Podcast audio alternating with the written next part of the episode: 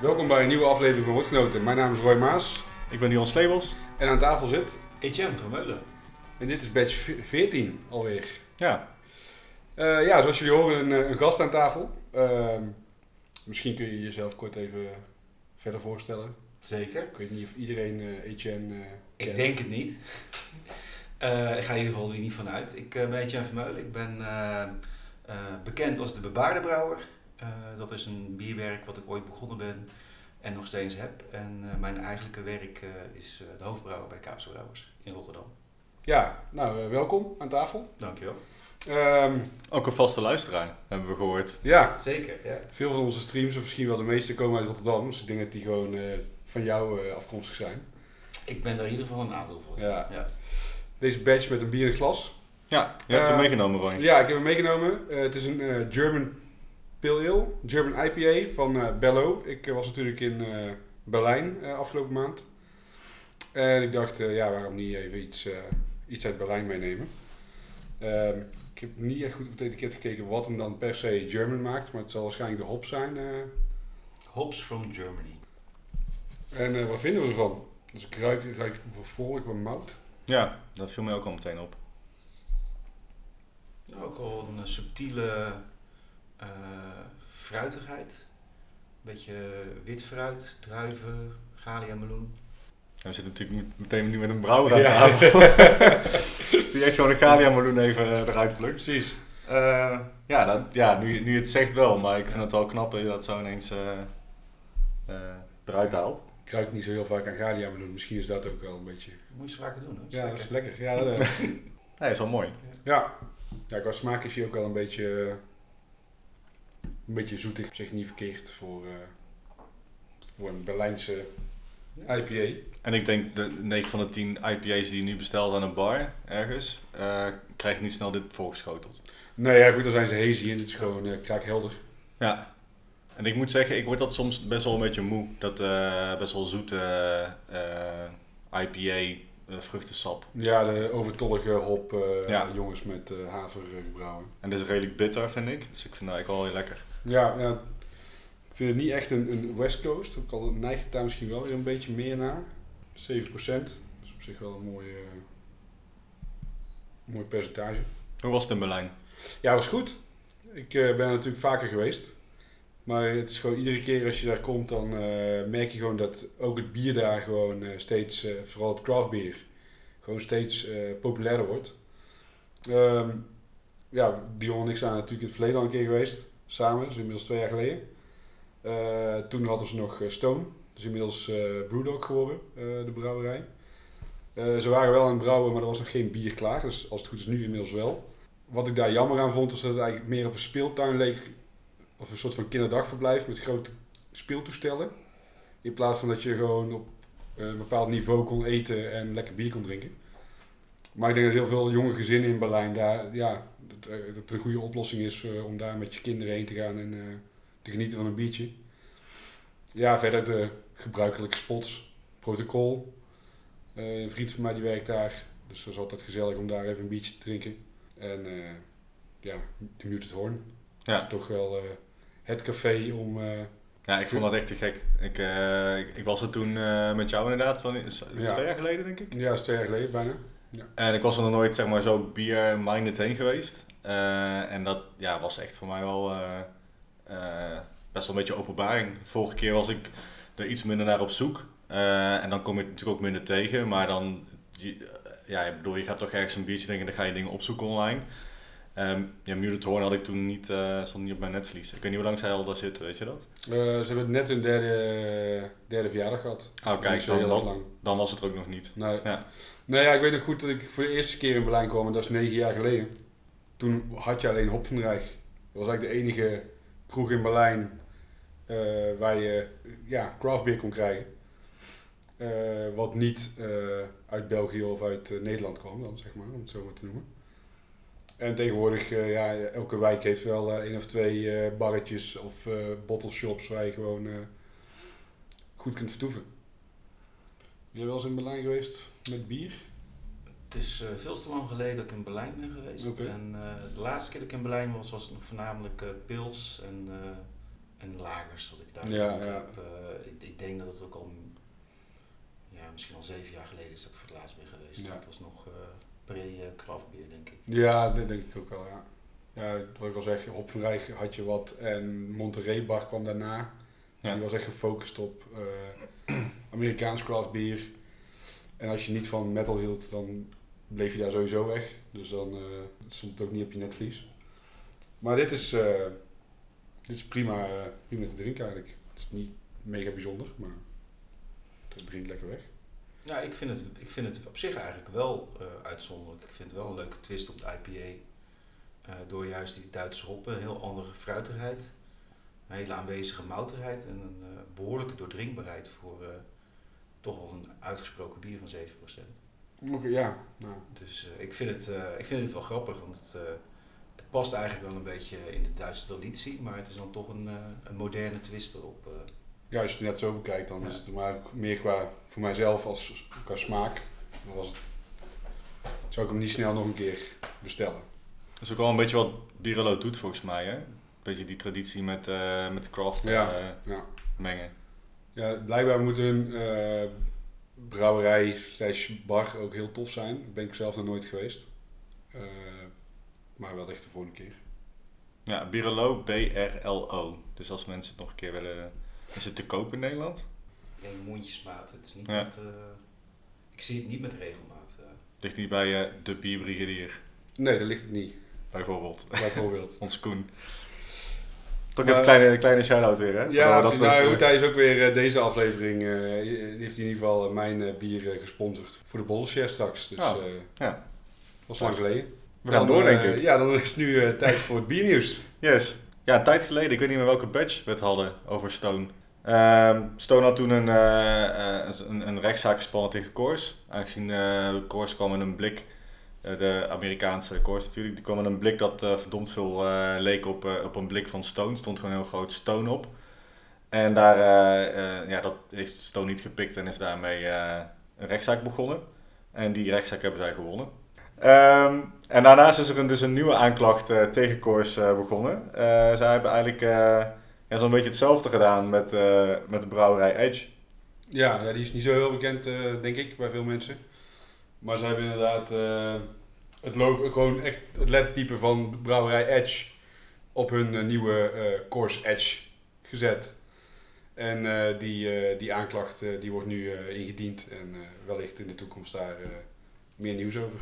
Ja, het mag voor de consument namelijk niet verwarrend zijn welke, welke producten ze kopen. Nee, precies. Maar je zou aan de andere kant ook denken dat Coors er wel een lesje uit heeft. Een lesje heeft geleerd. Maar eh, blijkbaar eh, is daar eh, de R&D-afdeling niet zo briljant als dat ze zelf denken dat ze zijn. Ehm, ja, dat was het volgens mij qua Coors. Ja, en qua aanklachten. Maar Qua altijd, aanklachten. ja. altijd even leuk om mee te nemen. Dus Ja. we houden jullie daarvan op de hoogte. Ja, Ja, we, hebben en een, we hebben een kleine update ehm, rondom het ALS-bier. Ja. Ehm, ja, we beginnen natuurlijk met het leuke nieuws dat wij een plek aan onze tafel hebben geveild.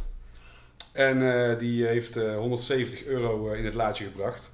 Eh, Wilfred die, eh, ja, heeft eh, hem gewonnen. Of in ieder geval had het hoogste bod gedaan. Dus binnenkort hebben we Wilfred aan tafel. En eh, ik denk dat dat best wel een eh, leuke aflevering kan worden. In ieder geval eh, op het gebied van bieren. Ja, tof. Ik ben echt heel benieuwd. Ja, dus, eh, sowieso gefeliciteerd. En eh, ja, het lijkt ons heel leuk als je aanschuift. Ik ben heel Ja, benieuwd. eh, precies. En eh, ja, de Mega Collab die eh, begint ook steeds meer vorm te krijgen. Eh, inmiddels eh, zijn het eh 77 78 brouwerijen. Ehm, waaronder eh Etienne. Zeker, ja. Ja, en ehm, ja, de stijl is bekend. Een eh smoke porter. Had, hadden de brouwers daar nog echt een zegje in? Of was het meer eh, dat... eh, Eh, er is al een e-mail rond geweest. Ik heb een e-mail ontvangen van, eh, van eh, Michel Hordeman. En daar heb ik een suggestie op gedaan. Maar of daar iets mee gebeurd is, moet ik eerlijk zeggen, dat ik dat ook niet meer achterhaald heb of achteraan heb gezeten.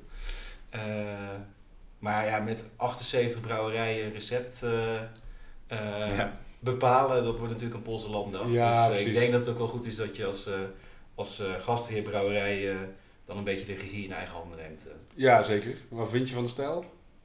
Eh, ik vind het wel leuk, want ik ben eh, zelf wel een porter fan. En ik hou ook wel van gerookte bieren. Dus ja, ik, ik denk dat ik hem wel lekker ga vinden. Ja. jaar. Nou ja, dat, idee had ik ook. Ik dacht van, oh, dat is wel een, een toffe stijl. Alleen tegelijkertijd dacht ik ook van, commercieel misschien niet heel sterk. Omdat het natuurlijk wel echt een vrij uitgesproken smaak is. De vorige was natuurlijk gewoon een, eh, een, eh, een stout met, eh, met chocolade en vanille volgens mij. En appeltjes en beffen. Ja, appeltjes en leffe. Ja, ik- denk dat dat vooral de drijfveer was voor de mensen om het te kopen. Ja. Dus ja, ik ben, ik ben benieuwd. Uiteindelijk gaat hij gewoon uitverkopen. Dus dat, dat maakt niet uit. Maar Ja, en daarom is het misschien ook juist wel leuk om iets te kiezen wat niet zo voor de hand ligt. Omdat mensen dan ook juist misschien eens een keer iets proberen wat ze anders eh, links zouden doen. zeker, ja. Dat is ook weer zo. Eh, de teller staat op dit moment eh, voor de totale actie op 25.000 euro. En dat is nog eh, voordat het bier überhaupt gebrouwen is. Dus eh, ja, ik denk dat we mogen concluderen dat eh, de 15.000 euro van vorig jaar eh, zeker overschreden gaat worden. En dat is alleen maar eh, positief. Het bier wordt 18 december bij Jopen gebrouwen. Volgens mij wordt het één grote chaos. Maar dat, eh, Ik kan me herinneren dat van vorig jaar dat het echt heel erg leuk was en dat ik heel erg spijt had dat ik met de auto was gegaan. Ja, Ja. Gelukkig was bij Van der Streek en die hebben een heel goed eh, alcoholvrij eh, of low alcohol alternatief ja, precies. wat ik kon drinken en nog mocht rijden. Eh, maar dit jaar ga ik wel even met de trein denk ik. Heel verstandig. Ja. Eh, ja, over Van der Streek gesproken. eh 22 december eh, gaan, eh, daar, gaat er ook gebrouwen worden voor het goede doel. Ehm 15 tot 20 thuisbrouwers die eh, gaan daar eh, in de ketel eh, roeren. En het wordt een cascade triple.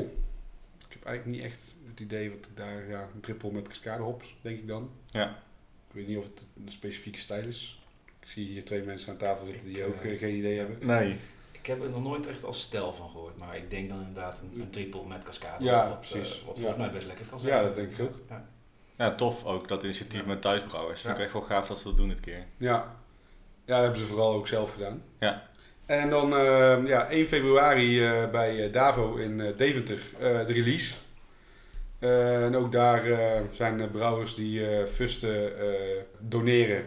En al het geld wat daar nog aan de toog wordt eh, binnengehaald gaat ook naar het goede doel. Ik ben zelf nog nooit bij Davo in Deventer geweest. Ik heb begrepen dat het best een, een flinke plek is.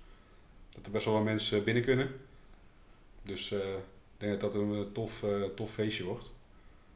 Even die datum in ieder geval vrijhouden. 1 februari 2020. Ja, jij was vorig jaar dus aanwezig bij die, eh, bij die mega collab. Hoe, hoe werkt dat met zoveel brouwers? Eigenlijk. Eh, nou ja, eh, heel veel brouwers werken dan niet eigenlijk. nee, ja. Eh, ik, ik was er zelf iets, blijkbaar iets te vroeg. Ik had het allemaal niet zo goed van tevoren uitgezocht. En ik dacht, ik kom daar om te brouwen. Dus ik was ook in mijn brouwkleding aangekomen. Bleek alleen eigenlijk vrij weinig hulp nodig te zijn bij het brouwen. En, het was eigenlijk voornamelijk gewoon een hele gezellige eindejaarsborrel voor brouwers. En, eh, het is wel, ik vond het wel erg leuk, want je komt elkaar natuurlijk het hele jaar toch wel tegen op festivals en andere eh, evenementen waar je meestal wel echt aan het werk bent. Ja. En eh, dit is wel een, eh, eh, moment waarin je eigenlijk niet zoveel hoeft en eh, even gewoon, eh, gewoon gezellig kan kletsen, bij kan praten. En, ook weer nieuwe brouwers leren kennen die, eh, die je anders misschien eh, niet zo snel zou spreken. Ja, zijn er onderling ook nog collabs uitgekomen? Of of, weet je niet, niet, in ieder geval niet bij jou? Voor, voor, voor, voor mij in ieder geval niet. Nee, voor mij in ieder geval niet, maar eh, het zou ongetwijfeld kunnen. Ja. Ja. Ja. Ehm, nou ja, goed, het, eh, we zijn aan het eind van het jaar.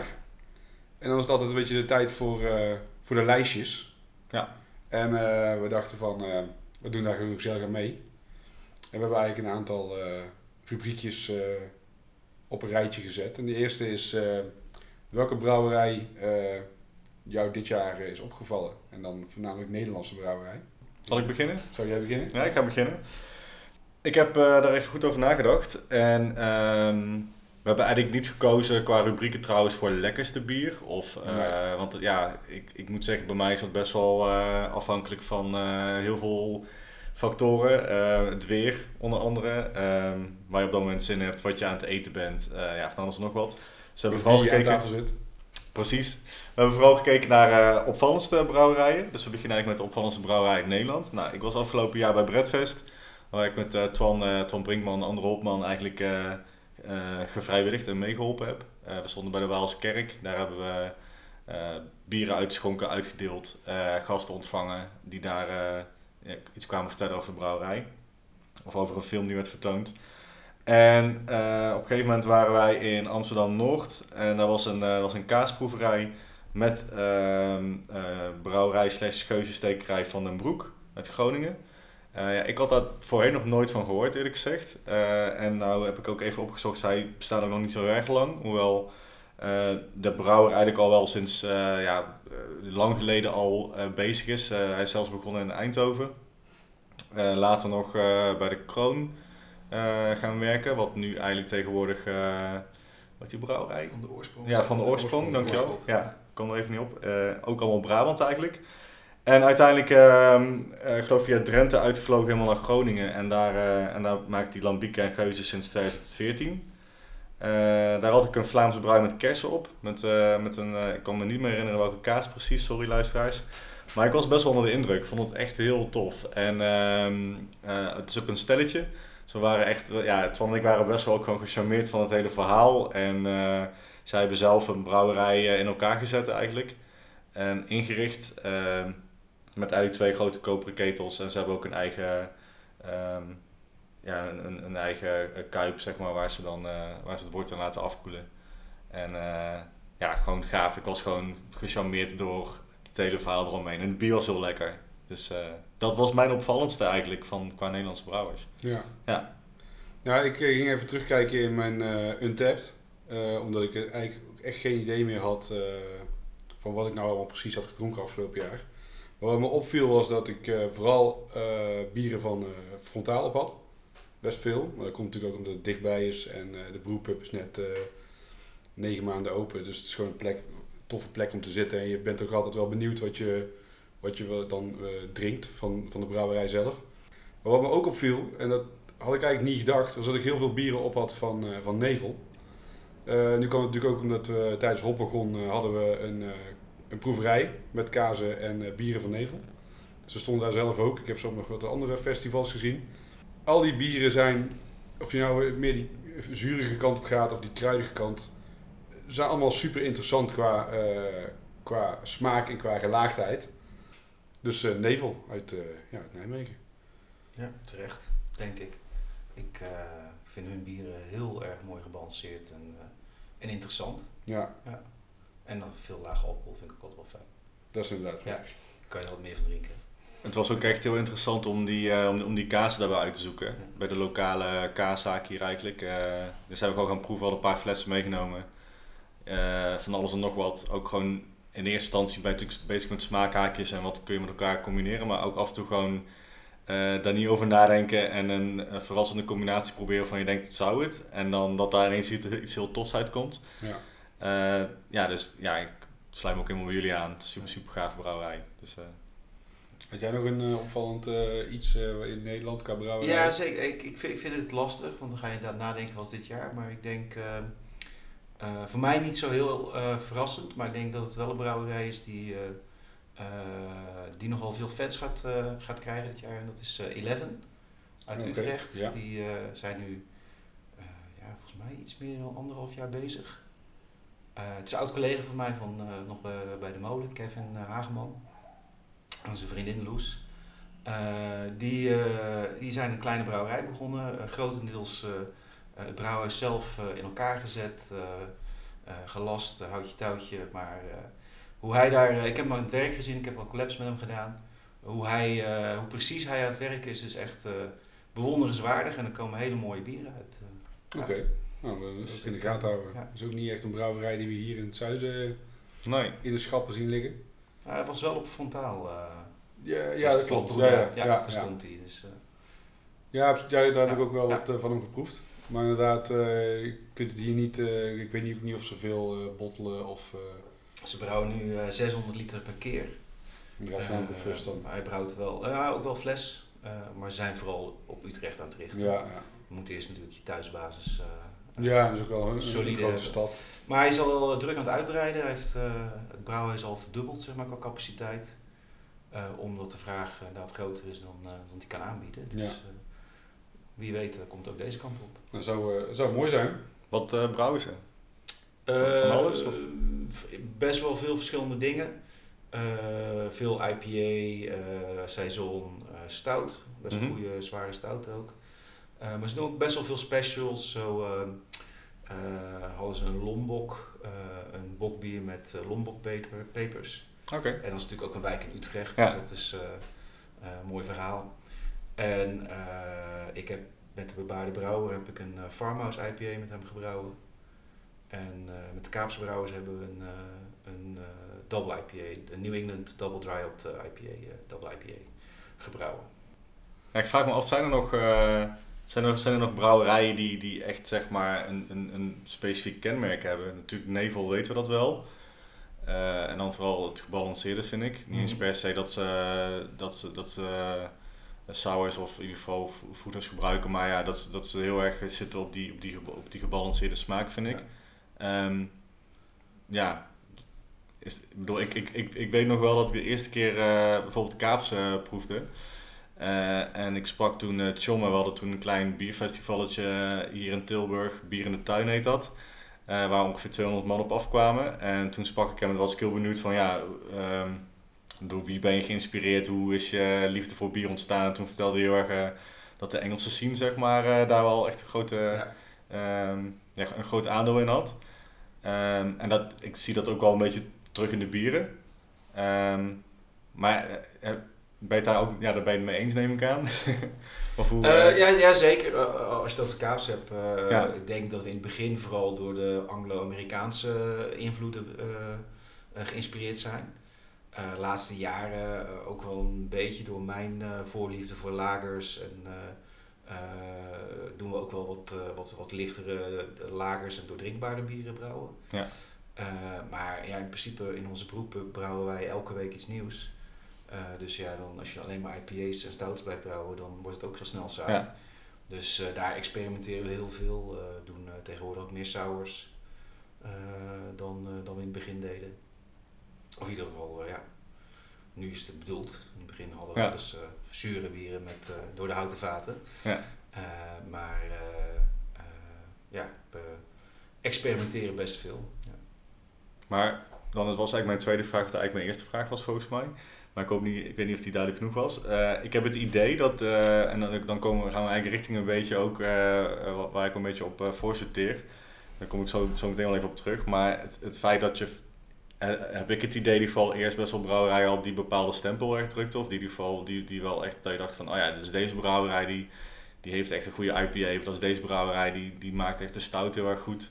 En nu merk je dat brouwerijen doen eigenlijk van alles nog wel door elkaar. Ja, ja, ik denk dat er nog steeds wel wat brouwerijen zijn die heel gespecialiseerd zijn. hè. Zoals Nevel of Tom Chef. eh, Ja. Die een heel smal eh, palet eh, zeg maar, eh, eh, hebben en daar heel erg, eh, eh, eh, eh, noem dat? eh, eh, de- daar expert in proberen te zijn. En daar Ja. ook echt wel uitzonderlijk goed in zijn. Eh, en dan zijn brouwerijen die, eh, ik denk, eh Uiltje eh, is toch ook wel vooral bekend voor onze hoppige bieren. Ja, heb je zo'n moersleutel. Die bekend Ja. is om zijn stouts en zijn, Ja, en vooral pastry stouts ook natuurlijk. Ja. eh, ja, zo, zo zijn er wel. Maar ja, ik- denk dat de meeste brouwers eh, het toch ook wel leuk vinden om eh, wat verschillende dingen te brouwen. En ligt ook een beetje aan, wij hebben een eh, eigen brewpub, waar we behoorlijk wat van de 30 graden ook zelf eh, eh, serveren. En dan wil je ook een beetje een, eh, een wisselend aanbod in eh, aanbrengen. Ja, begrijp ik. Eh, je wil niet eh, 10 IPA's naast elkaar hebben. Nee. Dus eh, je wil ook andere stijlen aan kunnen bieden.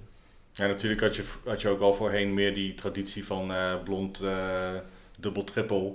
Ja, je ziet natuurlijk ook wel door andere, andere eh, eh, in- eh, invloeden uit Amerika bijvoorbeeld dat dat meer door elkaar gaat lopen. En, eh, ja. Ja. maar ik denk dat de, om, maar, de, nieuwe garde, die zou zich, als je geen beroep hebt, zou je niet snel branden denken aan een blondje of een wit bier of een trippel. Eh, want dat is niet wat de doelgroep per se eh, eh, wil drinken. Mhm. Ligt er ook aan eh, wat je doelgroep is natuurlijk. Hè. Nee, precies. ook eh, kleine brouwinitiatieven in een klein dorpje of een stadje die inderdaad Ja. juist eh, de lokale brouwerij zijn en eh, eh, het prima doen met een dubbel, een, eh, een blonde en een triple. Maar goed, ik had, ja, ik had het dan meer inderdaad over de frontaals en de, de, de, de moersleutels, het eltje. Terwijl misschien ze daar ook gewoon prima kunnen doen en misschien daar juist ook wel heel toffe dingen mee kunnen doen.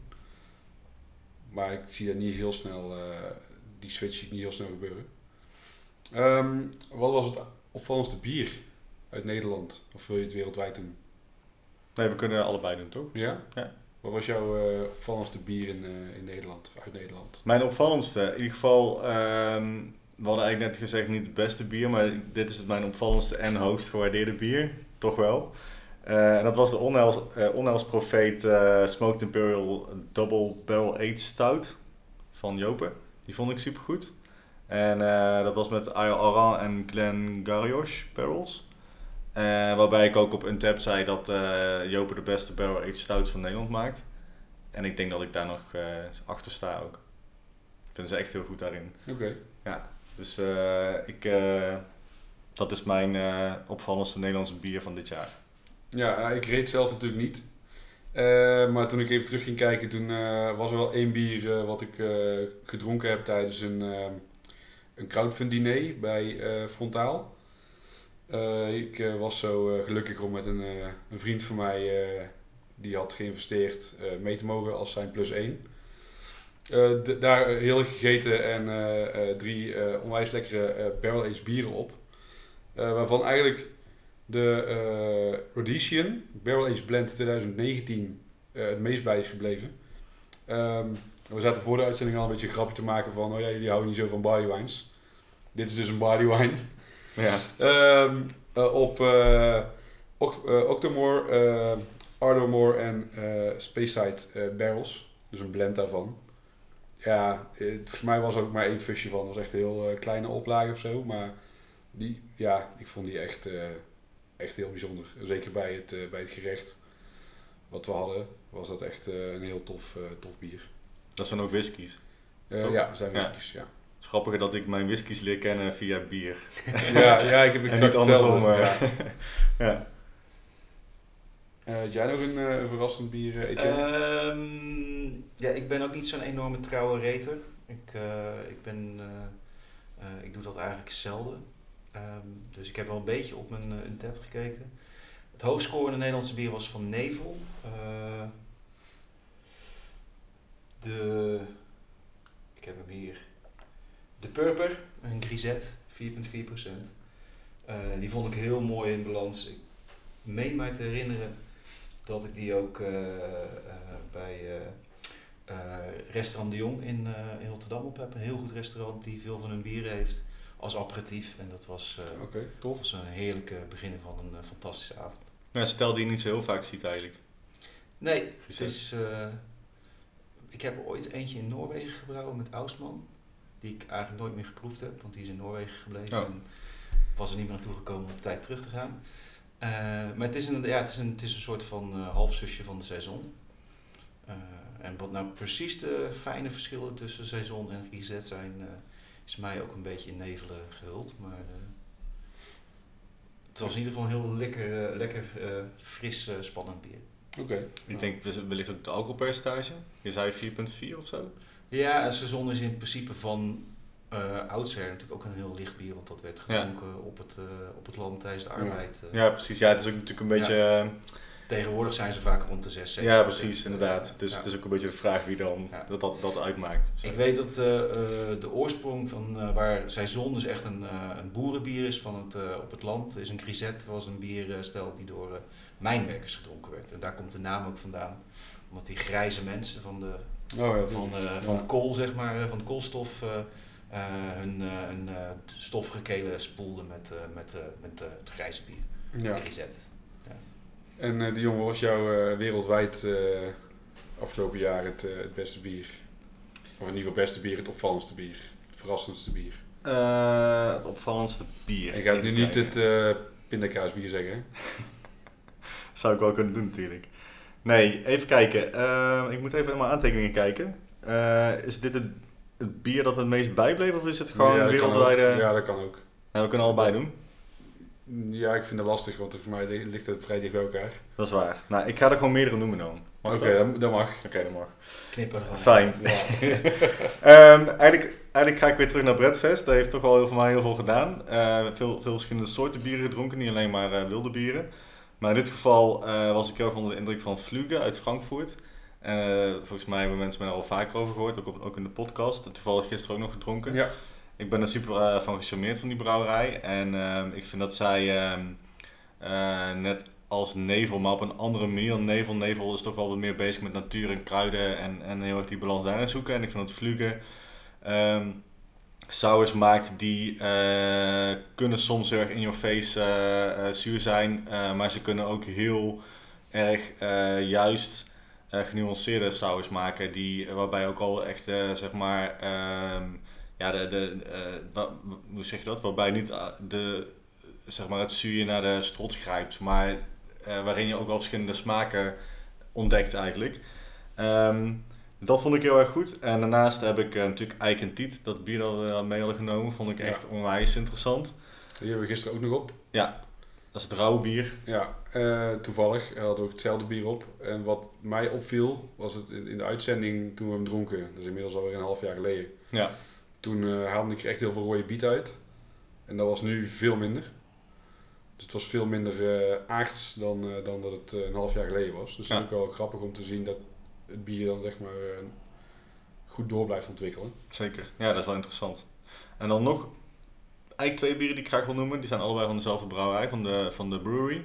Die kennen we vooral eigenlijk van eh Lompe Stout, denk ik. Eh onwijs zoet. Ehm, ze, hebben ook een, ze hebben ook een soort van zure kant. Dat is Brewery uh, Terreux. Het zit eigenlijk ook, zit ook in Californië. Ehm, daar ben ik ook geweest toen, ook heel tof. Er zijn twee verschillende brewpubs eigenlijk waar je dan heen kan. En eh, het gave is dat dit eigenlijk een soort van eh, eh, wijn wild ale hybride was. Waarbij ze de druif hebben gebruikt van, en dan moet ik even spieken, ehm, die, de Pinot Noir grapes hebben ze gebruikt. En ze hebben daar dus, ehm, even kijken, de Bourgogne Noir van de Brewery Terreux. Dus dat was eigenlijk gewoon het, het basisbier waarbij ze dus die druif gebruikt hebben. En diezelfde brouwerij die had ook een wijn-stout hybride. En dat is de, de Black Tuesday. Ik denk dat veel mensen die wel kennen. Ja. Denk ik het bekendste bier van de brewery. Kan Ja. ik dat zo zeggen? Nou, niet, niet, ja, misschien wel, eh, maar het is hier niet te koop. Dus Nee. het is ook weer een bier wat je, eh, waarin bijvoorbeeld de white chocolate of eh, de Mocha Wednesday hier af en toe wel in de schappen staan. Maar de Black Tuesday is wel het meest gezochte bier, omdat het gewoon een goede dikke stout is van volgens mij uit mijn hoofd 19,8% of zo. Ja, zoiets dergelijks. Maar die werd dus eh, eh, gemengd eigenlijk met een... eh, eh, met de, eh, uit de Napa Valley eh, Cabernet Sauvignon. eh ja, must. Ja, hoe kun je dat omschrijven? Must. Dat dat is een uh, must druivenpulp, dus Ja. vruchtvlees en, eh, en blijft. Ja. Ja, precies. Eh, dat, bij- dat bier heette... Kijk of ik er nog bij heb staan. Dat is jammer. Ik kan, we kunnen het nog wel eventjes eh, noemen, hè? want dat, dat doen we tegenwoordig ook. Ja, Ehm nou, dat was echt te gek. Ik vond het zo gaaf om die, eh, om die twee bieren eigenlijk gewoon een soort van... eh, ja, het is een hybride. Dus, dus je proeft wijn, je proeft stout, je proeft eh, van alles door elkaar. En, ehm, en die, dat hele zoete eigenlijk van die Black Tuesday wordt een beetje gecompenseerd met het verhangen van die, van, die, van die must. Ik vond, het, ja, ik vond het echt te gek. Dus ik had zoiets nog nooit geproefd. Dus ik was echt best wel een beetje flabbergasted op dat moment. Ja. Nou goed, als jij dan ook een, eh, meerdere doet, dan eh, doe ik Ja. dat ook gewoon. Doe dat. Ehm, niet al te lang geleden ging ik eh, naar Amsterdam met mijn vriendin, omdat we een, een natuurlijke wijnproeverij hadden. Maar we waren al eerder in Amsterdam. En ik vind het altijd gewoon fijn om even langs voeders te gaan. Het is gewoon een fijne, fijne cafeetje. Ehm, en ja, ik wist dat ze daar bokken hadden. En ehm, ik had daarvoor al wel een keer een bokken op, maar dat was alweer twee jaar geleden. Dus ik wilde gewoon heel graag eh, een bokken proeven. En mijn vriendin die drinkt alleen maar zure bieren. Dus eh, ja, dan ga ik geen IPA bestellen of iets dergelijks. En dan zo'n groot flesje ook lekker met z'n tweeën delen. Eh, het meisje achter de bar had in eerste instantie niks staan, zei ze. En toen bedacht ze zich ineens van, oh misschien moet ik even in de kelder kijken. En daar stond, had ze de steengaard nog. Ja, ik eh, werd echt weggeblazen door, eh, door het steenfruit wat, daar, eh, wat daarin zat. Daar ben ik sowieso wel een, een liefhebber van zure bieren met, met fruit en dan vooral perziken en abrikoos. Dus die, ja, die vond ik echt bijzonder goed. Ehm, in Londen was ik begin dit jaar. En toen was er een, een tap takeover en een bottle release van Fonta Flora. Eh, iets wat je niet eh, veel ziet in, eh, in Nederland. Ik had daar een flesje gekocht, Funk. Ehm, ja, ook een sour. En dan ja, ook weer met, met steenfruit, dus perziken en nectarines.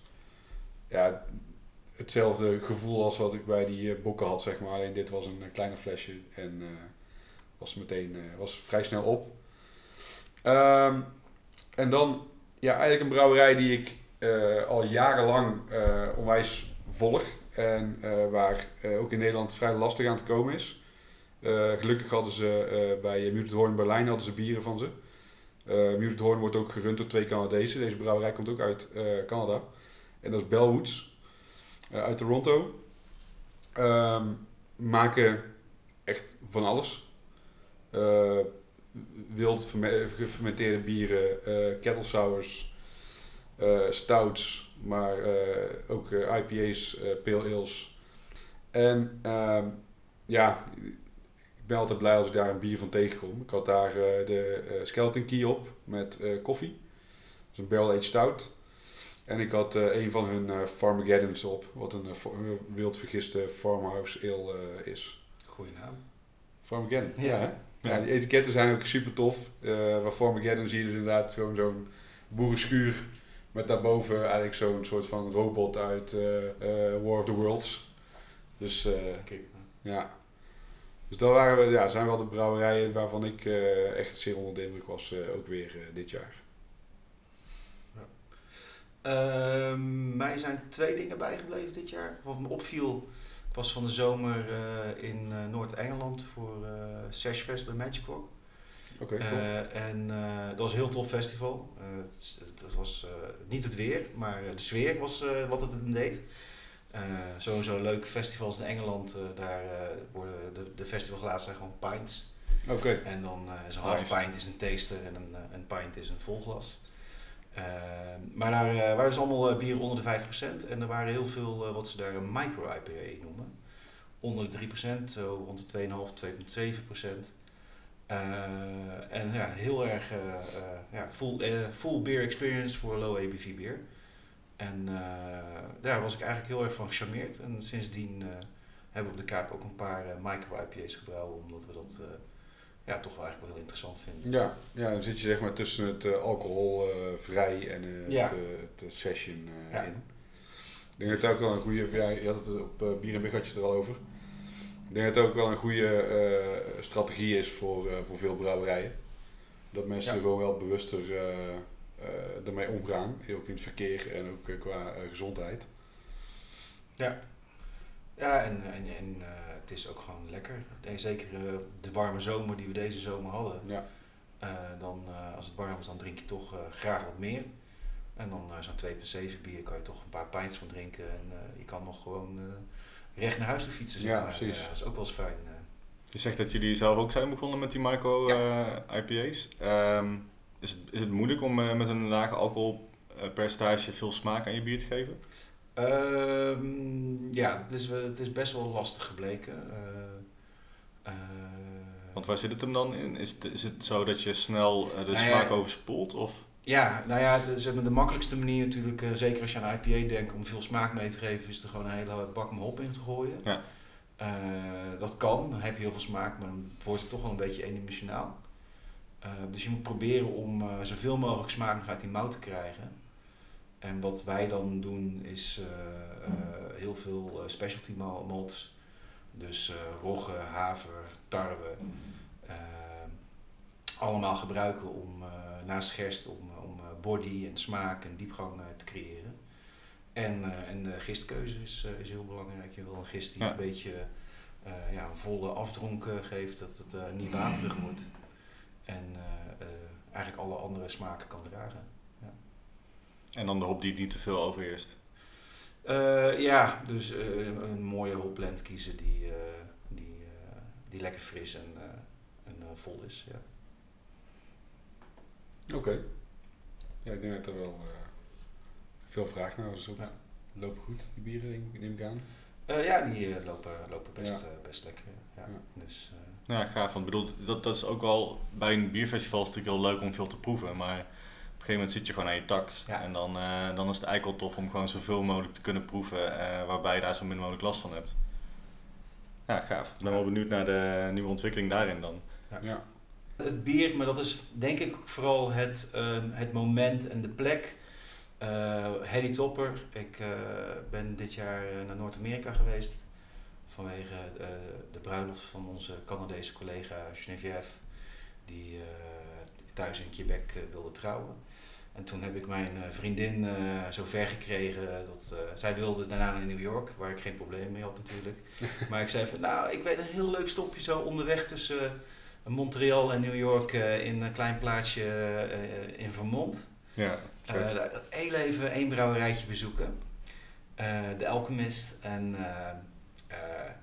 ja, ze, ze- mijn vriendin zei ook van het was, het was zo schattig om te zien. Het was als een kind die voor het eerst naar Walt Disney kwam en eh, al zijn superhelden zag. En, ja, nee, dat, dat was echt een heel mooi moment wat me nog lang zal bijblijven.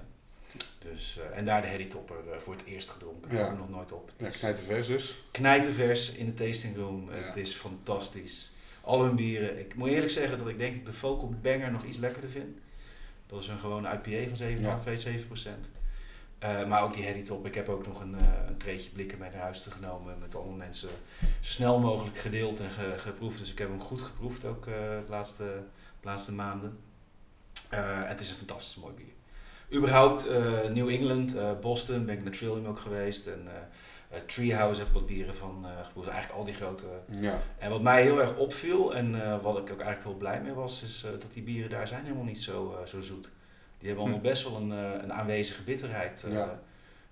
wat het eigenlijk ook veel lekkerder maakt dan die weege, Ja. slappe, zoete New Englands die we hier in Europa soms wel eens veel zien. Ja. Ja.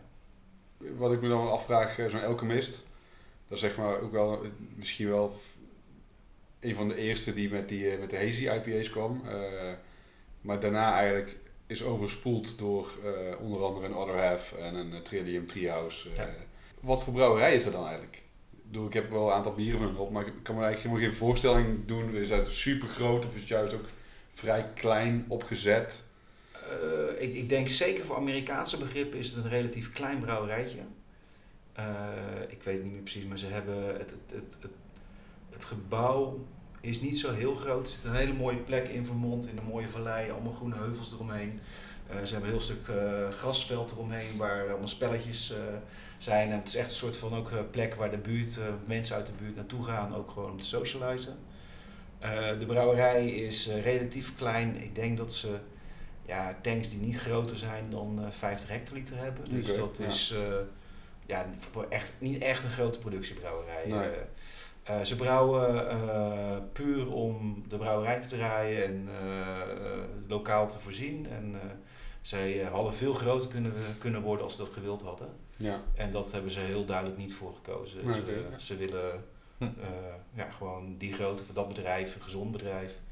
Eh, ze willen niet te groot worden en eh, kwaliteit blijven leveren. Dus, eh, Ja, dat is op zich wel mooi om te zien. Ja. Waar inderdaad eh, al die andere brouwerijen vaak eh, een tweede, tweede brouwhuis ergens anders buiten de stad eh, openen om maar eh, aan de vraag te kunnen voldoen.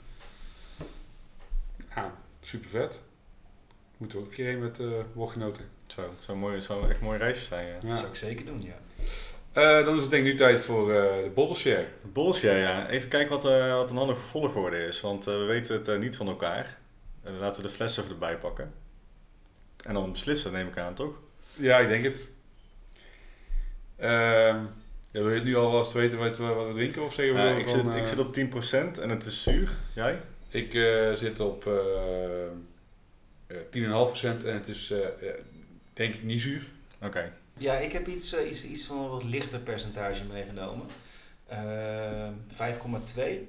Eh, en het is licht friszuur. Oké. Lijkt me de beste start. Ja, denk ik ook. Oké. Nou, we beginnen met het eh, bier van Etienne. Oh, dan hoeven we geen opener te geven, want die heeft een ring eh, waar hij zijn... eh, Inderdaad. Ja, dat heb ik van eh, een van mijn beste vrienden gekregen. Als verjaarscadeautje. Het is de ideale opener. Want je hebt hem altijd bij je. En je hoeft hem nooit te zoeken. Ja, dat is zeker waar. Wat heb je opengemaakt? Ik heb eh, onze Cheeky Camille meegenomen.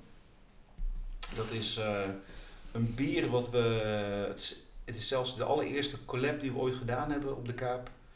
Eh, in eh, 2014 dus, nog in de zomer. eh, in mei op ons allereerste festival, of rond ons allereerste festival. Eh, het is een, eh, een, een, eh, een chamomile pale ale, of een kamille. Eh, het idee is ooit ontstaan, ik was op zoek voor een ander bier naar paardenbloemen. En toen stond ik eh, in, eh, in zo'n eh, Reforma supermarkt, natuurwinkel. En ik stond opeens met een zak kamille in mijn handen en dacht van, oh, hier moeten we eens een keer iets mee doen. Want ik vind dat wel een mooie smaak. En toen kwamen we, gingen we een collab doen met Brussels Beer Project. En heb ik dat voorgesteld om een uh, chamomile pale ale te maken. En toen hebben we dus, uh, in ieder geval iets met kamille te doen. En toen kwamen we op het idee om daar een, pale ale voor te brouwen. Een beetje uh, Belgische invloeden. Uh, wel neutrale Engelse gist, maar een beetje Belgische moutbasis. En, uh, en de kamille erin. En dit bier hebben we nu drie keer gebrouwen. We hebben het ook een keer bij hun gebrouwen in een brouwerij. En we hebben het, deze laatste versie is bij de molen gebrouwen, waar wij onze grote batches laten brouwen. En een gedeelte van, die grote, van deze batch hebben wij op witte Bordeauxvaten laten rijpen.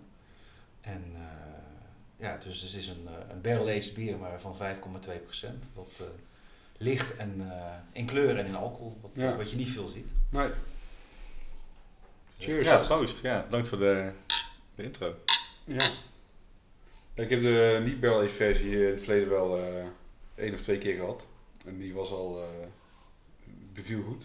Ja, mooi zeg. Ja, dit, ik vind Mooie het ook. echt ook wel heel gaaf dat je inderdaad een, een gewoon een barrel aged bier hebt dat, uh, dat niet zo'n hoog uh, alcoholpercentage betreft. Ja, ik zie dat niet zo heel snel eigenlijk. Hoe nee. werkt dat dan eigenlijk, als ik vragen mag, want je, want je ziet, ja, eigenlijk per toeval heb je kamille in je hand. Uh, en dan ga je daar bier mee brouwen, maar hoe weet je hoe dat werkt? Uh, ja, dat weet je niet op dat moment. Uh, dus zeker niet nog in 2014 toen we nog net begonnen. En, uh, ik had wel, wel wat brouwervaring, ook als thuisbrouwer en, en daarvoor in, in een andere brouwerij. Ehm, maar dit was gewoon puur van, nou ja, ik ken de smaak van kamille. Kamillethee drink ik veel ja. in de winter. Ja, precies. en die smaak, dan ga je daar in je hoofd eens over nadenken. Voor wat zou daarbij lekker bij zijn. En je gaat samen, dan in dit geval in collab met de andere brouwerij, daar ook over, over in gesprek. En wij dachten van ja, je moet een beetje een moutige basis hebben. Uh, die niet heel erg uitgesproken is. Dus gewoon wat Munich en misschien wat tarwe en uh, wat gerstemout. En je wil echt die kamille wil je, wil je eigenlijk een platform geven of een podium geven. Dus die, ja. moet, die moet eruit springen. Dus dan weet je ook zo'n subtiele smaak als kamille. Ja. Dat moet geen imperial nee. brown ale worden of zo. Dan nee, hou je er niks meer van over. Maar hoe, want dat vind ik dat dan, dan zo'n on, onwijs knap hoe je die balans daarin krijgt. Uh, maak, je dan, uh, maak je dan ook een testbatch? Ja, nou, uh, de, de, de, eerste testbatch was bij ons op de Kaap. Dan heb je zeg maar 500, 600 liter wat we daar brouwen. Ehm, wat we wel gedaan hebben is, eh, we hebben volgens mij aan het eind van de kook wat kamille toegevoegd. gewoon om al wel wat basissmaak erin te geven. En uiteindelijk hebben we de rest van de kamille toegevoegd in een lage tank. En dan is het bier al, al, al bijna af. En dan kan je een klein beetje in een liter kan je gaan doseren van hoeveel kamille ja. willen we erbij hebben ja. en hoe willen we die smaak doen. En uh, ik weet eigenlijk niet zo zeker of ik het toen zo precies gedaan heb. Het kan ook zijn dat ik toen gewoon wat gekocht heb en Ja. erin heb gegooid en het kwam toevallig mooi uit. Uh, maar uh, meestal tegenwoordig doen we inderdaad wel uh, een beetje testen op een liter. En dan ga je, zeker als je verschillende dingen gaat gebruiken. We hebben laatst een bier met Four Islands gemaakt met roze peper en tonkabonen. En uh, dan ga je echt heel precies, uh, maak je een, een tinctuur van roze peper en een tinctuur van de tonkenbonen. En dan ga je de verschillende hoeveelheden toevoegen en verdun je dat weer. En dan ga je kijken Ja. welke combinatie, welke hoeveelheid en welke combinatie van die hoeveelheid het beste werkt. Maar dat is dan echt bij het draaihoppen, zeg maar. Dus, dus Ja, tijdens het brouwen zelf kun je niet, daarin niet sturen. Dan zou je echt een, een Nee, je probeert eigenlijk in, eh, tijdens het brouwen zelf voornamelijk gewoon het, eh, de basis eh, te maken. En je natuurlijk je mout en dat soort dingen. En eventueel wat fruit, maar dat doe ik liever eigenlijk altijd wat later. Kruiden kan je eventueel wat doen, maar ik, ik doe over het algemeen, prefereer ik het om het zo laat mogelijk te doen. Ook omdat je gewoon tijdens vergisting heel veel aroma verliest. Dus juist die hele fijne, subtiele aroma's, die ben je dan al kwijt. En als je dat met lager doet, dan blijft het beter in het bier zitten. En je hebt je ook geen of wel eh, aroma hop gebruikt. Ik denk dat we wel iets van. Ik eh, meen mij te herinneren dat we Mount Hood, ja, Mount Hood als, eh, ik zie het even op het etiket gekeken, als aroma op hebben gebruikt. Wat ook een beetje wat kruidige, eh, lichte Amerikaanse, klassiek Amerikaanse hopsoort is. Ja. Eh, die een beetje de kruidigheid van kamille zeg maar, ondersteunt. Ja, je zei al, deze was eh, gebrouwen bij, eh, bij de molen. Ja. Ehm, misschien willen luisteraars het ook wel weten, wij zijn ook wel een beetje benieuwd naar. eh, hoe zit het precies nu, de, de verhouding met de molen en dan eh, de Kaapse en de bebaarde brouwer? Ehm, Als je het daarover wil hebben in ieder geval. Ja, nee zeker. Ehm, de verhoudingen zijn momenteel heel duidelijk. Eh, de molen is verkocht eh, aan Swinkels. Ja. De voormalige eigenaren van de molen, eh, John Brus en, en Menno Olivier, die eh, hebben hun aandelen verkocht. Zij waren tot voor kort ook eh, aandeelhouders in de Kaapse. Zij hebben vooral het twee derde aandeel eh, in de Kaapse, eh, omdat zij medeoprichters waren. En die hebben wij eh, samen met eh, wat andere collega's hebben wij die teruggekocht. Oké, Ja. dus jullie zijn nu gewoon helemaal uh, we zijn helemaal voor onszelf. Ja. Ja. Ja. Nice. Gaaf. Ja, Ja. ik wist dat persoonlijk nog niet. Nee, Nee. het is, eh, ik denk, drie weken geleden. En we hebben het ook nog niet echt heel groot eh, in de wereld gebracht, omdat we ja, dat ook niet zo erg nodig vonden. Ja. Nee, ja, tegelijkertijd is misschien ook, wisten misschien ook mensen niet eh, dat er überhaupt een, een connectie was tussen En eh, dat ook, Kaapse ja, en de ja, molen. ja. Eh, jij hebt natuurlijk in het verleden daar gewerkt, dus dat, is, dat weten misschien mensen wel. In ieder geval van de bierfestivals. Ja, ja, ik heb drie jaar bij de molen gewerkt. Inmiddels ben ik daar alweer iets meer dan een jaar weg. Omdat ik me op de Kaapse wilde gaan richten. En eh, ik had ook nog de bebaarde brouwer daarnaast, wat ik eh, nu nog steeds daarnaast heb. Eh, daar wilde ik ook iets meer tijd voor hebben, dus toen ben ik gestopt bij de molen. En nu heb ik eigenlijk weer geen tijd voor de bebaarde brouwer, omdat ik weer full in, in, de, in de Kaapse brouwers zit. ja, want jullie gaan ook, ja, jullie moeten ook verhuizen. Ja, ja wij hebben 3,5 jaar in de Phoenix 2 mogen zitten. En eind januari moeten we daar echt uit. Dat eh, pand is verkocht door de gemeente aan een stichting die er eh, andere plannen mee heeft. eh, dan eh, dan eh, de Phoenix Food Factory, eh, waar wij onderdeel van zijn. Eh, dit is eigenlijk altijd al eh, het plan geweest. We zouden er eigenlijk maar drie jaar mogen zitten. En eh, het was altijd al de bedoeling dat wij naar eh, eh, Phoenix 1 zouden gaan. De loods die eh, afgelopen jaren eh, door een ontwikkelaar eh, verbouwd is en eh, waar een eh, flatgebouw op gezet, eh, gezet is eigenlijk, eh, heel simpel gezegd. En die originele loods die eronder zit, wat eigenlijk een spiegelbeeld is van de loods waar wij nu in zitten, eh, daar was eigenlijk al de bedoeling dat wij daar naartoe gingen. Eh, daar gaan we naartoe met eh, de Phoenix, niet meer een food factory, want we gaan daar niet meer produceren. Het is een veel kleinere plek, het is ongeveer een derde van wat we nu hebben. Dus het wordt de Phoenix Food Market. Het wordt eigenlijk veel meer echt een, een, een markt, wat eigenlijk origineel een beetje het idee was, waar je boodschappen kan doen. Ja. Eh, en waar je ook wat kan eten, lunchen en wat kan drinken. Eh, en uh, avondeten natuurlijk ook. Dus er komt ook alweer een kitchen, zoals we dat nu ook hebben, de Kaapse Kitchen. Maar dat wordt dan de Phoenix Kitchen. Ehm, die dus ook producten uit die verschillende winkeltjes eh, gebruikt. Tof. En wij eh, komen dan weer met een, eh, met een Kaapse bar. En er komt een eh blije wijnen, bij ons, eh, Oh. die ons natuurwijnen doet, eh, ook voor de Kaapse Maria. Eh, die gaan er een wijnbar eh, openen. En eh, koffie komt er. Eh Shokenin, de opvolger van Stielman. En eh cider. Komt er met een ciderbar. Oké. Gaaf. Ja, is dat dat is wel dan spot. daar echt ook eh, dezelfde hoek in Rotterdam? Is dat zeg maar om, om Ja, de hoek als het ware? Het is eh, ja, nog eens om de hoek. Het is gewoon eh, Daarnaast. 200 meter verderop. Ja. Oké, ja. Als het al 200 meter is. Ik heb het nog niet gemeten. Maar Ja. het is, eh, als je, voor de mensen die eh, met openbaar vervoer komen en dan meestal op Wilhelminapier eh, uitstappen bij de, bij Ja. de metro. En dan loop je naar Hotel New York. Ja. En dan loop je over de, over de Hoerenloper, de Rijnlandse havenbrug, of de Rijnhavenbrug. Ehm, vroeger, of nu, ga je rechtsaf en straks ga je linksaf. En dan is het volgens mij zelfs nog iets dichterbij. We komen in een verbouwd gebouw, dus het zal allemaal wat netter en wat mooier worden. Eh, we hebben een contract voor 10 jaar, dus we kunnen ook investeringen doen.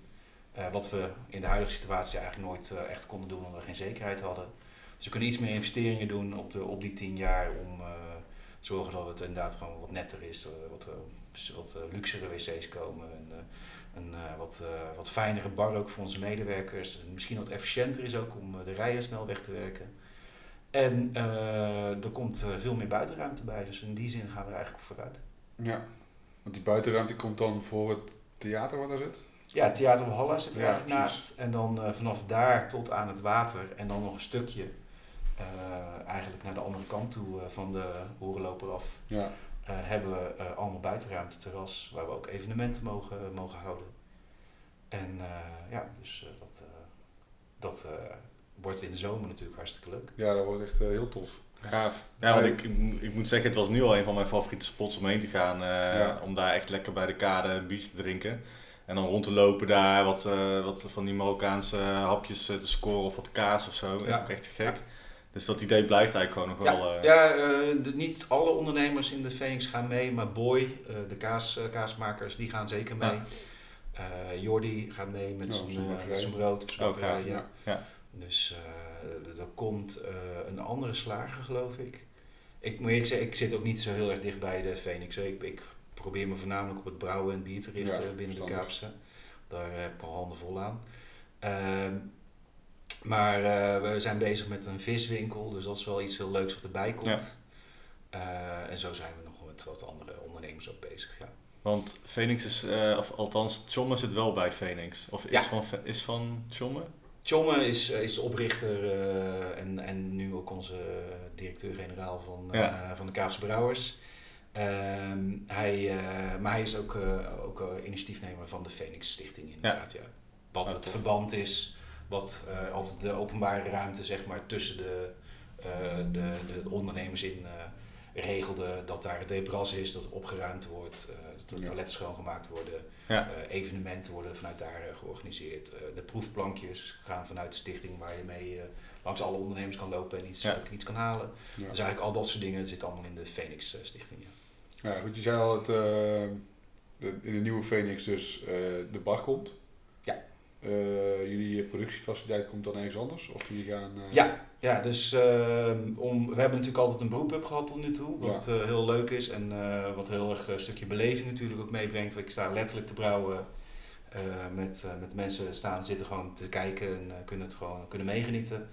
Eh, het wordt daar inderdaad een derde kleiner, dus een brouwinstallatie daar eh, plaatsen is gewoon zonde, want dan ben je gewoon heel veel zitback kwijt. En eigenlijk kan je daar zo weinig brouwen, is het dan ook niet echt de moeite waard om dat te doen.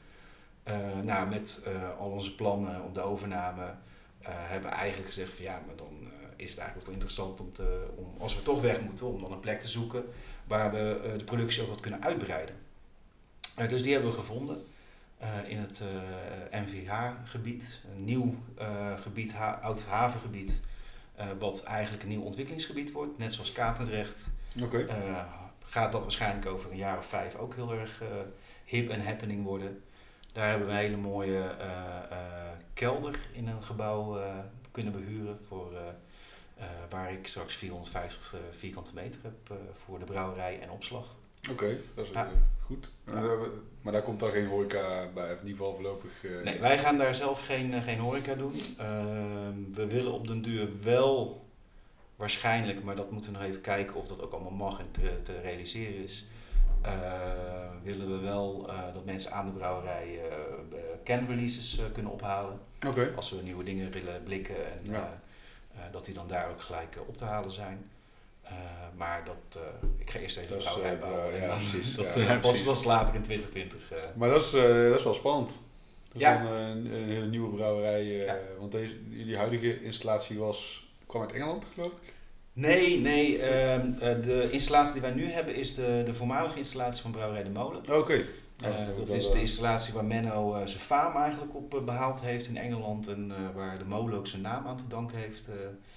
eh, in zekere zin. Het is een oude zuivelpasteurisatiekuip, eh, die als eh, maisketel, kookketel wordt gebruikt. En een, eh, ja, ook iets van oud, ik weet niet wat het geweest is, maar oud zuivelmateriaal ja. verbouwd is tot filterkuip met minimale isolatie. En, eh, het werkt, eh, Ja. Ja. het is alleen heel bewerkelijk voor relatief weinig liters. ja. En eh, wat jullie nu gaan doen, dat wordt gewoon echt een heel nieuwe installatie? Of Ja. gaat- ja. Ja, wij eh, hebben een bedrijf in eh, Schotland gevonden die eh, ja, eigenlijk ons hele wensenpakketje wat we hadden eh, kon, eh, kon realiseren. En dan hebben we straks een, een 15 hectoliter, dus 500 liter brouwerij, brouwhuis, waar eh, meerdere brouwers op een dag eh, op mogelijk zijn. Oké, nou, dat Dus, is, eh, ja. is wel tof. Zeker, ja. Ik, ik Mooie heb vooruitzichten. ik heb er heel veel zin in en het is heel spannend in de zin van het heel leuk wat er allemaal gaat gebeuren. Eh, maar ook spannend in de zin van er moet nog heel veel gebeuren. Ja, en, ja. ja, het is eh, al zo januari, dus eh, ja, dat, eh, spannende tijden. Wanneer verwachten jullie echt eh, Kaapse bier uit de nieuwe brouwerij? Is dat een beetje... Ik heb deze week weer contact gehad eh, met, eh, met het bedrijf. Ze zijn helemaal op, eh, op planning. Het eerste plan was, omdat wij een vrij kort tijdspad hadden, was dat ze eerst het brouwhuis zouden maken, op zouden sturen. En dat ik dan de grote tanks die we nu hebben zou gebruiken om in het begin in ieder geval een beetje te kunnen brouwen en installatie te leren kennen. En de grote tanks die zij zouden maken later in februari of zelfs maart zouden komen. Eh, ze vertelden me nu dat ze eigenlijk voor op schema liepen en dat de tanks waarschijnlijk ook in één keer kunnen komen. Oké, Dus dat betekent dat ik eh, eind januari, begin februari eh, kan beginnen met brouwen. Dus dat betekent dat maart de eerste bieren uh, released zullen worden. eh, Ja, echt heel snel dan. ja, ja. ja. Ja. En je had het over blik, dat is ook nieuw. Ja, want eh, wat we nu op de kaap doen is altijd alleen maar op first. Eh, kleine hoeveelheden, kleine ruimte, geen eh, ruimte om een flessenlijn te doen. En eigenlijk, we hebben wel eens een paar keer op zo'n oude handmatige afvulinstallatie wat flessen gedaan. Maar dat eh, was eh, heel veel werk. Eh waren echt, daar was ik echt dagen van eh, 14 uur bezig om, eh, om een batch te vullen, af te vullen met drie man. Dus dat was eigenlijk gewoon niet te betalen voor, eh, Nee. eh, voor het eh, volume wat je dan eh, kan verkopen. Ehm, dus eh, we hebben toen heel erg duidelijk gekozen om alleen maar op fusten te doen. Vooral ook voor onze eigen taproom. En de laatste jaren nu wat meer aan het brouwen zijn. Ook wat cafés eh, om ons heen. eh, en cafés in het land eh, waar we goede banden mee hebben om een- wat specials daar te releasen. Maar ja, volgend jaar gaan we veel meer brouwen. En ja, om dat alleen maar op fust te doen is, ja, is niet te doen. Dus we Nee. willen ook wat meer uh, core range bieren zelf gaan brouwen. Dus het moet in een consumentenverpakking. En ja, als je nu kan kiezen, dan hebben wij toch duidelijk gekozen voor blik. Ja, ja vind, ik, vind ik een mooie keuze. Ja, zeker. Ja, ja, eh, ik, ik hoop ook dat ik over een half jaar of een jaar nog steeds een mooie keuze vind. Ja. Eh, maar ik heb er wel eh, vertrouwen in dat het, dat het goed gaat lukken. En maar ga je dan ook nog echt meer richting, door je kunt in principe ook bier op blik afvullen. Maar ga je dan misschien ook wel meer richting de, de bieren die je vaker op blik ziet? Ja, het, eh, ehm, eh, het doel nu, de, de insteek is dat wij eigenlijk alles wat hoppig is. eh, wij, wij brouwen nu eigenlijk alles bij de, bij de molen. En dan zijn het eh 50 of 100 hectoliter batches. Ehm, en wij willen eigenlijk gewoon alles wat hoppig is, wat vers moet blijven, zelf gaan doen in kleinere batches. Dus dat het korter in het magazijn staat en Ja. dat het verser is wanneer het bij de consument komt. En eh, daar willen we ons eerst op richten om die bieren zelf te gaan doen. En dan Ja. is blik daar de ideale keuze voor. Ja, precies. Ja. Ja. Mijn glas is bijna leeg. Die jullie, eh ja, die jou niet, want je was aan het woord. Ja. Maar- Maar je kent hem al, dus... ja, dat is waar. Ja, ik vind hem echt mega nice. Ja, ook heel lekker. Ja, ik had deze al wel geproefd ook. Ehm, het, eh, de, de niet-barrel aged hadden jullie toen ook bij Hoppegon eh eh, op Fust. Vond ik al super lekker. En eh, dit, heb ik, dit heb ik een keer eerder geproefd. Ik kan het zo gauw even niet... eh, ja, ik kan het even tappen, maar ik weet het niet precies. Maar ik vond het in ieder geval echt super goed gelukt. Echt die combinatie van, eh, van, die, eh, van die wijn met, eh, Ja. met de comelle vind ik echt gek. Oh, je had de- echt deze batch al eh, op.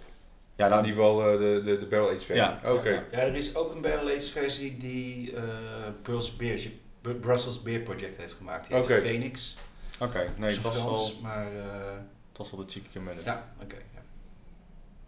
En dat was ook eigenlijk het idee vanuit die badge dat van oh, wij gaan ons Oh, ook, eh, ja, precies. ook eh, barrel age op.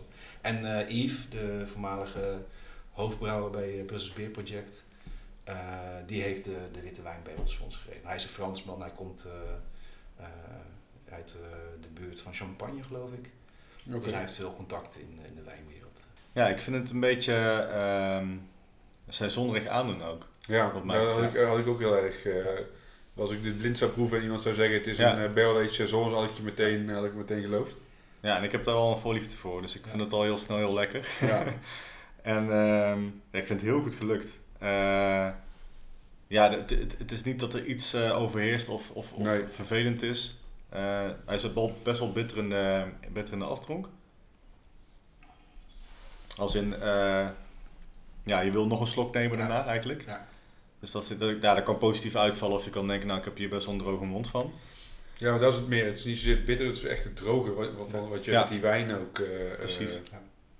Ja, ik deze vind dat eh, echt te gek. Ja. Je, je zegt seizoen en dat is ook eigenlijk een hele goede beschrijving. Want wij hebben de, de verse wijnvaten niet gestoomd.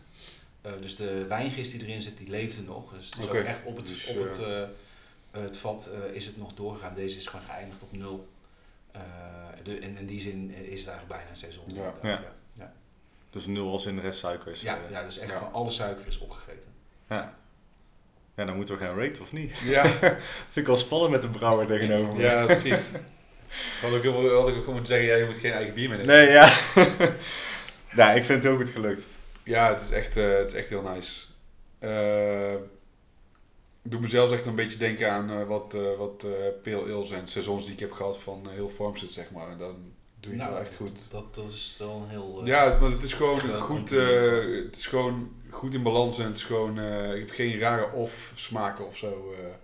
En ook als je hem ruikt, dan heb je aan de ene kant het, het, ja, het, het zoetje van de, ik denk van de druif zelfs nog.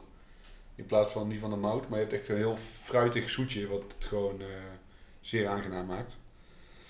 Ehm, het is dat we deze nu eh, drinken en eh, het verrassendste bier wat hebben gehad eigenlijk. Maar eh, komt, komt dicht in de buurt hoor. Ik zou deze, ja normaal reed ik dus niet op Untapped. Maar toch wel een eh 4,25 denk ik geven. 4, 4,25. Eh theezakjes. Ik zit ook al de hele tijd na te denken. Wat, ga ik hier... ik wilde eerst paardenbloemen zeggen, want ik ben ook wel benieuwd. Had je je Ja. paardenbloemen nog gevonden? Ja, die heb ik gevonden. Ja, ja, ja, ja, ja. Dat was ook een, een mooi bier geworden. Oké. Ja, ik vind paardenbloemen wel eh, moeilijk. Ik heb niet heel veel bieren met paardenbloemen op. Ja, Eentje van antidoot, maar het wordt meteen heel bitter. ja heel eh, medicinaal, eh, Ja. herbaal. eh, ja. Ja. Eh, ik ga ook raten. Ik geef het eh 4,5. Want ik, ben, ik vind het gewoon vooral mooi dat hij... eh, om, om, omdat hij barrel aged is dus. En dat lage alcoholpercentage. Ja, ik vind dat gewoon te gek. Dat, dat hele idee vind ik al, vind ik al wat waard. En die kamille komt er heel subtiel doorheen. Ik geef het dus 4,5 eh hoerenlopers. Hoerenlopers. Ja. Lekker dan. Ga je je eigen bier raten? Nee, nee. Ik, Nee, hè? ik, ik, eh, ik, ik heb vroeger wel eens mijn eigen bier gereden, maar ik ben ermee gestopt. Ik vind dat... eh, Ik geef je altijd vijf toch? Als eh, ja, ergens zou je zeggen, wie geeft altijd een 5, want anders geloof je ook niet in je eigen product. Maar ik vind daarnaast, je moet ook zelf juist het meest kritisch zijn. Maar het is altijd een beetje dubbel, dus ik doe dat gewoon niet. Ja. Nee, dat is wel prima. Dan gaan we door naar het volgende bier. Ik heb die voor mij maar opengemaakt. Ik Doe ga maar. ervan uit dat, het, eh, Helemaal dat goed. we gaan afsluiten met iets zuurs. Ehm, Wat heb je meegenomen? ik heb meegenomen eh, van eh Bronkhorster. Ja, wat is het voor een bier? Ehm, het is de eh, brok in je keel. Eh, het komt van de Barrel Age series. Het is een nummer eh, 17. En het is een Dark Strong Ale. Op en dan komen we weer. Het is weer heel fijn dat al die barrels in Schotland altijd van die onwijze tongbrekers zijn. Ook een Toshan vaten. Precies. En eh, ja, ik dacht eh, voor de feestdagen weer nog een eh, beetje Zo. bij. Over medicinaal gesproken. Maar volgens mij is het vooral eh, vrij turfy, denk ik. Peated, beetje jodium. Ja. Ja, ze zijn in 2005 begonnen. Eh, de brouwerij is opgericht door eh, Steve Gamache, geboren in eh, Richmond eh, in Engeland. Ik heb de beste man vorig jaar, twee jaar geleden, eh, in de Grote Kerk in eh, Den Haag eh, leren kennen. Omdat toen een bier van de Bronkhorster eh, de, het beste bier van het land was. tijdens de Week van het Nederlandse Bier.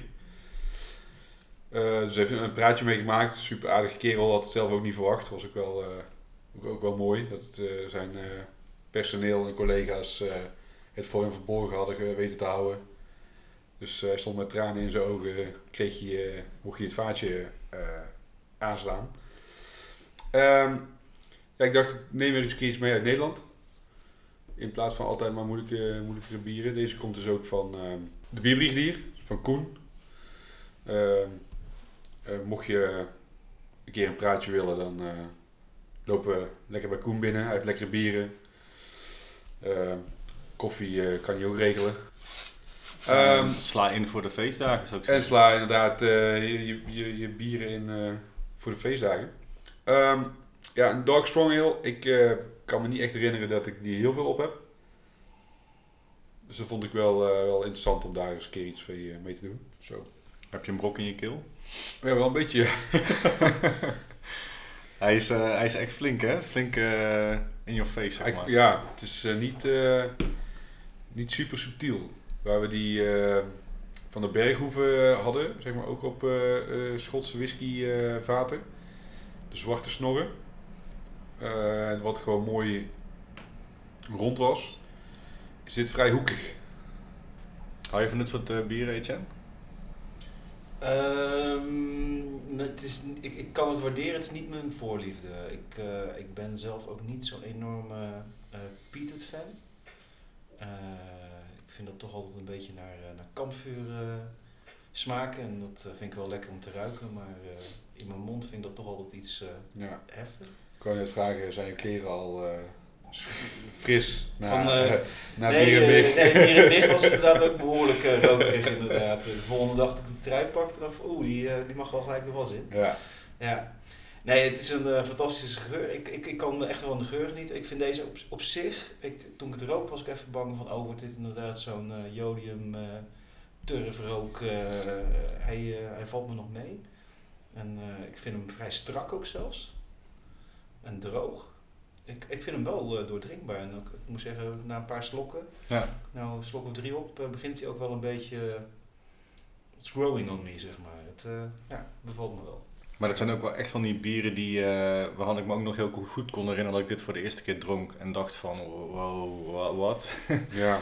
En dan eh, merk je ook wel dat gaande de jaren je smaakpalet gewoon zo eh, meer getraind en ontwikkeld is, dat je er ook meer in gaat ontdekken. En dat, ik, ik kan het heel erg waarderen, maar ik vind het in dit soort bieren vaak, ik, ik hou dan eigenlijk wel heel erg van dat, van dat turfig, maar ik vind het medicinale soms een beetje, als dat, als dat overheerst, dan, ehm, ja wat je zegt, jodium vind ik dan echt een, goed, eh, een goede vergelijking. Ja, dat is niet heel erg mijn voorkeur. Nee, maar ik denk dat, dat op zich bij niemand. Ik bedoel, jodium is wel echt heel. eh, Ja, ja, er zijn mensen die, eh, die bijvoorbeeld een Froke whisky Oh, echt ja? fantastisch vinden. Ja, dat, dat, dat is wel heel sterk Oké. jodium. eh, ja. Ja, ik ben sowieso eh, geen eh whiskydrinker. Ja, zoals Dion ook al zei, eh, ik, ben, ik ken de whiskies, dus ik kan het een beetje onderscheiden door eh, de bieren die ik eh, drink die op barrels zitten. Ik had hier ook nog nooit van gehoord. Eh, ja, Koen die, heeft in de winkel even zijn laptop erbij gepakt om te kijken wat nou precies de, de richting was waar, dit, deze whisky op zou gaan. En ja, de omschrijving van, het, van de whisky aan zich was, was vrij soepel, zeg maar. Was niet mega eh turvy. Als ik hem nu zo, eh, zo proef. Maar het kan misschien ook zijn door het vrij hoge alcoholpercentage wat het, eh, wat het meegeeft. Zo'n strong dark ale is er natuurlijk ook wel, of, is wel licht qua body. En zorgt wel meteen voor dat het een beetje ook alcoholisch gaat smaken, zeg maar. eh. Want ja, ik denk dan bij een, een, een Dark Strong Ale, denk ik aan een quadruple zoiets. Ja, maar dat- is het ook niet echt een Nee. deze volgens mij. Nee, Het heeft niet zo heel veel gistprofiel. eh, of in ieder geval het gistprofiel komt niet heel erg over de, over de whisky heen. eh. ik heb een beetje het idee dat het, een, eh, dat, dat het meer richting zo'n zwaar blond gaat, zeg maar. En dan met wat speciale mouten die, die de kleur nog een beetje aanpassen. Maar ja, het is, echt, het is echt heel dun bier. Het is ontzettend eh, doordringbaar voor 10,5%.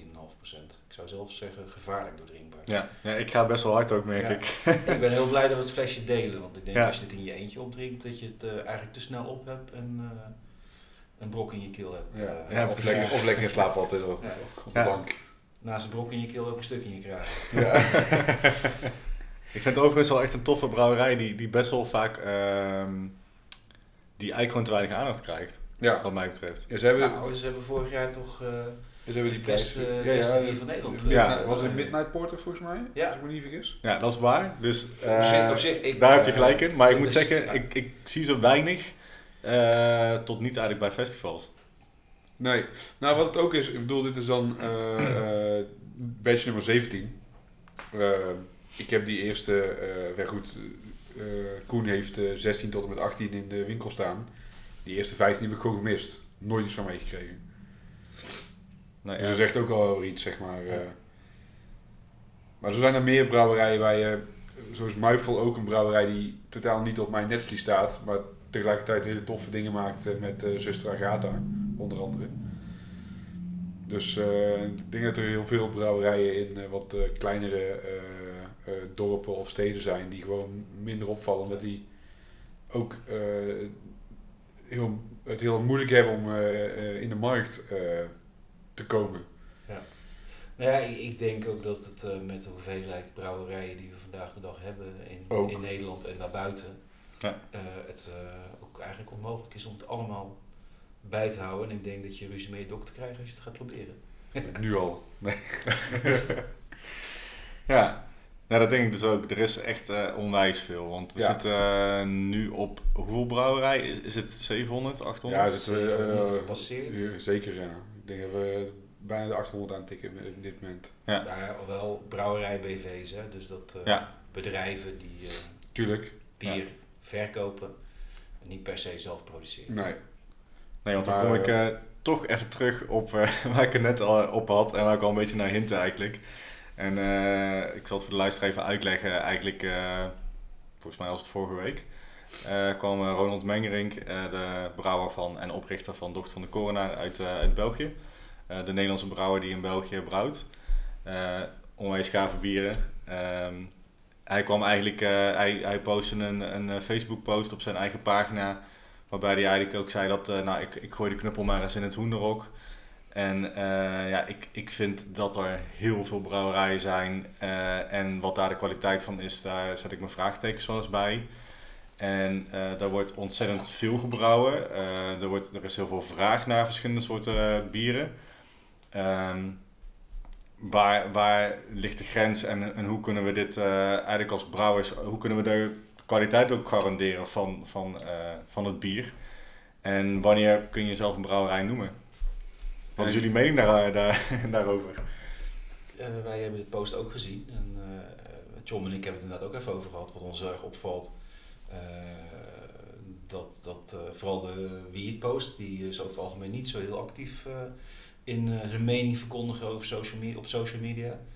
Eh, dus dat, dat, eh, dat maakte ook denk ik daardoor wat meer impact. Misschien Er wel, zijn ja. natuurlijk heel veel mensen die eh, vaak met dit paradepaardje lopen. Eh, ik, ik, ik, ik begrijp volledig het sentiment wat hij zegt. Eh, eh, ik loop nog niet zo heel lang mee in de bierwereld, maar in die vijf, zes jaar dat ik meeloop is het, is het gigantisch veranderd. Er zijn ontzettend veel hobbyisten die, die, die ja, zeg maar heel veel aanbod creëren en waar de kwaliteit op zijn minst te zeggen wisselvallig is. Eh, er zijn eh, de echte, de, wat meer professionele eh, BV's die ja, met een grote budgetten op marketing inzetten, een bier laten brouwen bij een grote brouwerij. En ja, soms zelfs nog eens echt het recept zelf verzinnen. ja, en alles daartussenin. Het is heel, heel Ja. divers. En ja, wat is dat? Ja, kwaliteit, dat is ook een eh, veel eh, eh, eh, besproken onderwerp. eh. ja, wat, wat, een, ik denk dat het uiteindelijk op neerkomt dat de consument moet gaan begrijpen wat goede kwaliteit is. En daar heb je als brouwer natuurlijk, eh, eh, kan je daar een rol in spelen. Wij doen het, eh, eh, zetten er heel erg op in ons proeflokaal om mensen eh, te, eh, te laten proeven wat ze lekker vinden. Mensen weten soms nog eens wat ze lekker vinden, of ze van zoet, zuur of eh, bitter houden. Ja. En eh, uiteindelijk moet de consument eh, de keuze maken. En het is dus denk ik aan ons om te zorgen dat cons- consument zo goed mogelijk geïnformeerd is. En vind je dat dat, eh want je zei kun je, maar vind je niet dat het een, dat het een plicht is van een brouwer om de consument daarin helder in te lichten? Oh, eh, ja, ehm sowieso vind ik dat je transparant moet zijn in wat je doet, wat je gebruikt. Wij zijn er heel transparant in dat onze bieren, eh, eigenlijk alles wat je in een flesje kan krijgen bij de molen wordt gebrouwen, dat wij dat niet zelf brouwen. Eh, wij zitten daar wel zelf ook eh, op, de, op de kwaliteitsverbetering. Als wij, zeg maar, een van mijn taken is, is de recepten fine-tunen en veranderingen in processen en in ingrediënten door te voeren wanneer wij vinden dat het bier beter kan, kan Ja. worden daardoor. Maar je zegt al, de consument die, die moet daar het onderscheid in vinden. Waarvoor de consument die krijgt eh, jaarlijks eh 5000 bieren uit het land eh, op zich afgeworpen. Heeft geen idee eh, waar te beginnen en wat de achtergrond is van veel brouwerijen. Is het dan niet misschien de taak van de eh, retailers en eh, of in ieder geval de, de goede retailers en de eh, horeca om eh, die sh- shift al te maken? Ik bedoel, eh, ik weet dat eh Jury van, eh, van Voeders, om het maar aan te halen, die heeft gewoon eh, geen macro eh, bieren eh, in zijn zaak. En geen bieren die bij externe brouwers zijn gebrouwen. Ja, ja dat, dat kan een, een, een, een, een schiftingsmechanisme zijn of een, een, keuze, maar dat, dat, daarmee garandeer je nog geen kwaliteit. Eh trappistenlogo, dat een bier trappist is, garandeert ook niet per se, per se dat het goed bier klopt. is, maar het, het, geeft, zegt iets over de herkomst van het bier. Eh, nou ja, als een brouwer het zelf maakt, ja, dat zegt inderdaad iets over die brouwer als, als bedrijf. En ik vind het heel eh, charmant van, eh, van Jury dat hij, hoe zeg je het, dat hij die keuze maakt en dus in die zekere zin opkomt voor brouwerijen die investeringen doen in hun eigen apparatuur. En, maar uiteindelijk, ja, Mikkeler eh, wordt wereldwijd geroemd en die hebben geen één bier zelf gebrouwen. Nee, ja, goed, dat, dat klopt. ja. Nee, maar, Dus dat, maar het zegt niks over of het goed bier is. als ik persoonlijk kijk naar Mikkeler en ik, eh, ik heb zelf de Mikkeler eh Bierclubbox. En ja, het is nog net geen coinflip, maar soms zitten er ook bieren bij die gewoon echt slecht zijn. Of in ieder geval qua smaak. Ik weet niet of de kwaliteit dan echt zo goed is of niet goed is. Maar dat ik denk van ja, dit bier, ik had heel iets anders verwacht bij dit bier dan wat ik nu heb gekregen in mijn glas. Je kunt ook een bier hebben wat goed smaakt, maar tegelijkertijd ook vol met brouwfouten zit. Maar wat wel eh, bijvoorbeeld op een untapped, waar veel mensen op Ja. kijken, eh, gemiddeld een, eh, een 4,10 halen. Dus iedereen wil dat bier drinken, ondanks dat er brouwtechnisch gewoon eh, Ja. niks, aan, niks van klopt. Ja. Dus ja, daar heb je natuurlijk ook eh, is het lastig te peilen qua kwaliteit. Dus je kunt ook zo'n clean bier hebben. Noem bijvoorbeeld een nevel. Ik weet niet of daar veel fout in zitten. Ik ga er niet vanuit. Die jongens kunnen gewoon eh, goed brouwen en die hebben een goede achtergrond. Maar die krijgen gemiddeld volgens mij een eh, 3,6 op hun bieren. Ja. Omdat ze gewoon echt een, een aparte eh, eh, stijl bieren maakt. Ja, Die het gros niet, eh, niet, niet eh, eh, kan waarderen Ja. op dat moment. Of, Nou ja, wat dat betreft, eh, zeker als je kijkt naar Untapped, dat is natuurlijk behoorlijk gedemocratiseerd. eh, want ja, iedereen en zijn moeder zit tegenwoordig op uh, Untapped. zeker. En ja, ja, sommige mensen begrijpen een stijl soms ook niet. Je, kent natuurlijk allemaal de voorbeelden van mensen die een IPA uh, Untapped reten met een halve ster, want ik hou niet van IPA's. Ja, ja, ja goed. Ja, ik, of, of met welke willekeurige stijl dan ja, ook. ja, precies. Dus ja, ik, ik, ik ben niet zo heel erg eh, bezig met die ratings eh, in die zin. Het- Ik, ik vind het. ja, niet zo heel belangrijk in mijn keuze eh, in welke bier ik wil drinken. Nee, maar ik denk dat Ja. bij veel mensen, en dat horen we ook uit, uit de retailhoek, eh als eh, Koen bieren post van brouwerijen en vooral van bieren die boven de 4 zitten qua rating, kun je er donder op zeggen dat die dezelfde dag zijn uitverkocht. Terwijl van diezelfde brouwerij een bier bijvoorbeeld een eh 3,7 heeft, die blijft gewoon eh, maanden staan. Ja. Dus eh, de eh, consument is daar wel heel erg mee bezig. Die heeft daar wel een duidelijke focus op. Welk bier ze wel of niet meenemen. En dan gaat het niet eens misschien om stijl, maar gaat het echt puur om wa- wat Untapped zegt. Of wat de medebierdrinkers en hun moeders zeggen over... eh, Ja. Ja, ik denk dat daar ook een beetje schaarste soms eh, een rol speelt. hè. Zo'n bier als Bourbon County is bijna niet te krijgen. En dat eh, vinden mensen natuurlijk eh, fantastisch als ze dat kunnen reten. En ja. dat, dat reten, dat, dat begint soms een beetje op postzegel verzamelen te lijken. Is Proberen de, de meest zeldzame te krijgen. En, kan catch 'em all, hè? zie, ja, kan ik een beetje Pokémon. Ja, precies. Ja, ja. Ja. Ja, wij, wij, zeg maar, voor mij persoonlijk ben ik niet zo heel erg met ratings bezig als ik eh, bier ga drinken of eh, ga kiezen op een festival wat ik ga doen.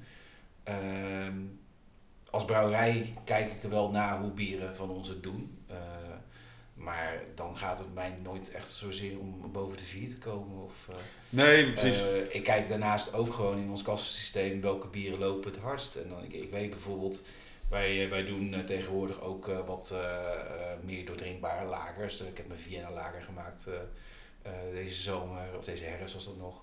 Ehm, en een kelderbier in de zomer. En dat zijn bieren die gaan, nou ja, als die steady 3 op eh, een tap scoren, dan heb je het goed gedaan, denk ik. Maar als, als ik dan in de sales zie dat dat bier eh, het hardslopende special is in ons proeflokaal, dan weet ik toch dat dat een populair bier is. En uiteindelijk, en, en daarom zeg ik uiteindelijk, de consument die maakt de keuze. En Ja. die consument die moet je eh, verleiden om voor jouw bier te gaan. Het is heel goed wat eh, Ronald zegt. En natuurlijk, de, de- het kaf moet ook op een gegeven moment van het koren eh, gescheiden gaan worden. Alleen duurt het gewoon langer. En het lijkt het alsof er steeds meer bij komen. Nou ja, zeker. maar zijn een aantal dingen. Ik, ik, ik, ik ben eh, grotendeels voel ik het sentiment wat, wat, eh, wat Ronald eh, in, zijn, in zijn post heeft gedeeld, begrijp ik maar al te goed. Ik, ik denk wel dat hij het, het vanuit een heel erg eenzijdige kant bekijkt. Hè, als een brouwerij die. hij zegt ook eigenlijk dat je als brouwerij ook geen huurbrouwers moet toelaten in je brouwerij, want dan, dan werk je eigenlijk een beetje mee aan de, de, de corrompering van de biermarkt. Ja, maar tegelijkertijd kan daarvoor een brouwerij ook eh, eh, net een maand huur zijn. Als je zelf eh, niet brouwt, maar dan een lege tank hebt, zeg Ja. maar. Eh, ja, precies. Dus dat, ik, ik, ik ben de laatste om iemand- tegen iemand anders te zeggen hoe hij zijn bedrijf moet runnen. Nee. Maar de, de consument, die, dat is uiteindelijk waar je het voor doet. En zolang de consument, ik heb het ook vaak genoeg meegemaakt op een festival, dat mensen naar je kraam toe komen en ze kijken naar je taplijst. Ja, nee, deze heb ik allemaal een keer geproefd. Ik eh, ga even verder kijken.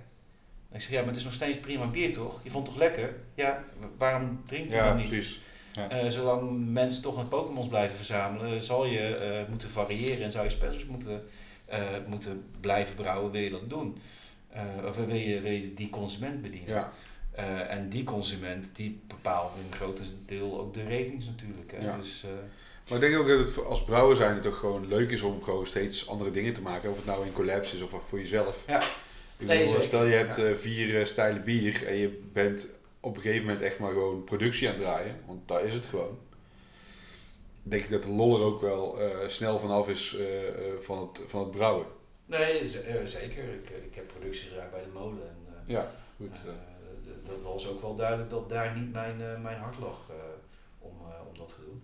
Eh, daarnaast ben ik het ook helemaal met Ronald eens. Dat hij zegt van ja, eigenlijk een bier pas als je het vier keer gebrouwen hebt, dan heb je pas een idee wat het bier is, wat het kan zijn.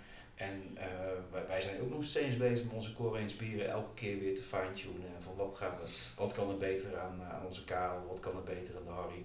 Daar zijn we ook continu mee bezig. Ja. Dus Ja, wat ik wel een interessant punt vond, wat hij aansneed, was ook de eh, authenticiteit van een, van een brouwerij. Daar had ik net eigenlijk ook een klein beetje over. Hè, van, eh, zijn er bepaalde brouwerijen die, die, die bepaalde stempel drukken, of waarvan je denkt, ah, dat, dat is echt die brouwer, die staat echt bekend om dat. Ehm, hij is van mening in zo'n post wat hij letterlijk zegt, is dat het, eh, de authenticiteit uiteindelijk de nek omdraait. Eh, omdat het vooral gaat om eh, constant verschillend, anders inspelen op wat de vraag is, et cetera. Ja, maar dan vraag ik me dus af, weet je wel, eh, een brouwerij als Orval, die maakt twee bieren waarvan er eentje te koop is openbaar en die andere alleen eh, bij Orval zelf volgens mij. Nou, ja, bij- bij de, de, eh, het restaurant. Of naast bij, de- ja, precies. Ja. De, dat is een lichtere variant dan. Petit Orval. Ja, precies. 3,5%. Fantastisch bier. Maar, Ja, die heb ik dus nooit op, maar in ieder geval omdat je dus ja, het nergens kunt kopen. En die doen het, die, dat, dat blijft gewoon, weet je wel, het blijft naast dat het een onwijs gaaf bier is, eh, omdat die op fles gewoon door blijft. eh, ja. Ja, we hebben de test gedaan. ja precies. Mhm. Dat die eh, qua smaak eh, zo, zo erg verandert constant. Dus da daar ligt het bewijs dat het gewoon kan. En zo zijn er meer eh, oude traditionele brouwerijen die, daar, die op drie, vier verschillende bieren eh, eh, al jarenlang draai- draaien. En die niet eh, snel om zullen vallen. Omdat daar ook gewoon altijd een markt voor is. Ja, ik, ik denk dat het een heel belangrijk punt is. En ik, en ik, ehm, ik geloof eigenlijk wel dat Kaapstad ook heeft. Want ik vind jullie altijd, eh, wat dat betreft, eh, gewoon eh, een soort van kracht uitstralen in het geloven in je eigen product. En ik denk dat dat heel erg belangrijk is en blijft. En ik vind dat eigenlijk bij Ronald ook zo, dochter van de coronaar. Ik vind hem, in die zin vind ik die bieren zo interessant, omdat zij echt de, de traditie naar mijn inzicht zeg maar, gebruiken met de wat nieuwere invloeden van de craft, zeg maar, die ik juist heel gaaf vind. Ehm, en daarin moet hij gewoon blijven geloven, denk ik. Ja. en dan dat heel krachtig gewoon blijven neerzetten. En volgens mij, zolang je daarin in jezelf gelooft en dat neer kan zetten, word je niet overspoeld door jongens die voor het snelle geld gaan. Nee, precies. En eh, wat ook met Dochter van de Corona is, eh, in ieder geval, dat idee heb ik nog steeds, is wat eh, eh, de molen bijvoorbeeld ook heeft. Eh, ja, ik weet niet hoe het dan nu zit, maar een aantal jaar geleden in ieder geval wel. Superveel ging, gingen altijd naar het buitenland. Weet je wel, de, de- export was voor, voor mijn gevoel groter dan wat er in Nederland te krijgen was. Door zijn dochter van de Corona, die, die, die kom je gewoon echt overal tegen in Italië ja, dan denk ik bij mezelf, als je je bier verkoopt, maakt het in principe eh, volgens mij niet uit hoe je, hoe je het doet. Natuurlijk als eh, Ronald daar ineens eh, met een heel brouwerij vol met bier is waar hij niet, niet vanaf kan, zou super zonde zijn. Want daar zijn zijn bieren gewoon te lekker voor. Ja.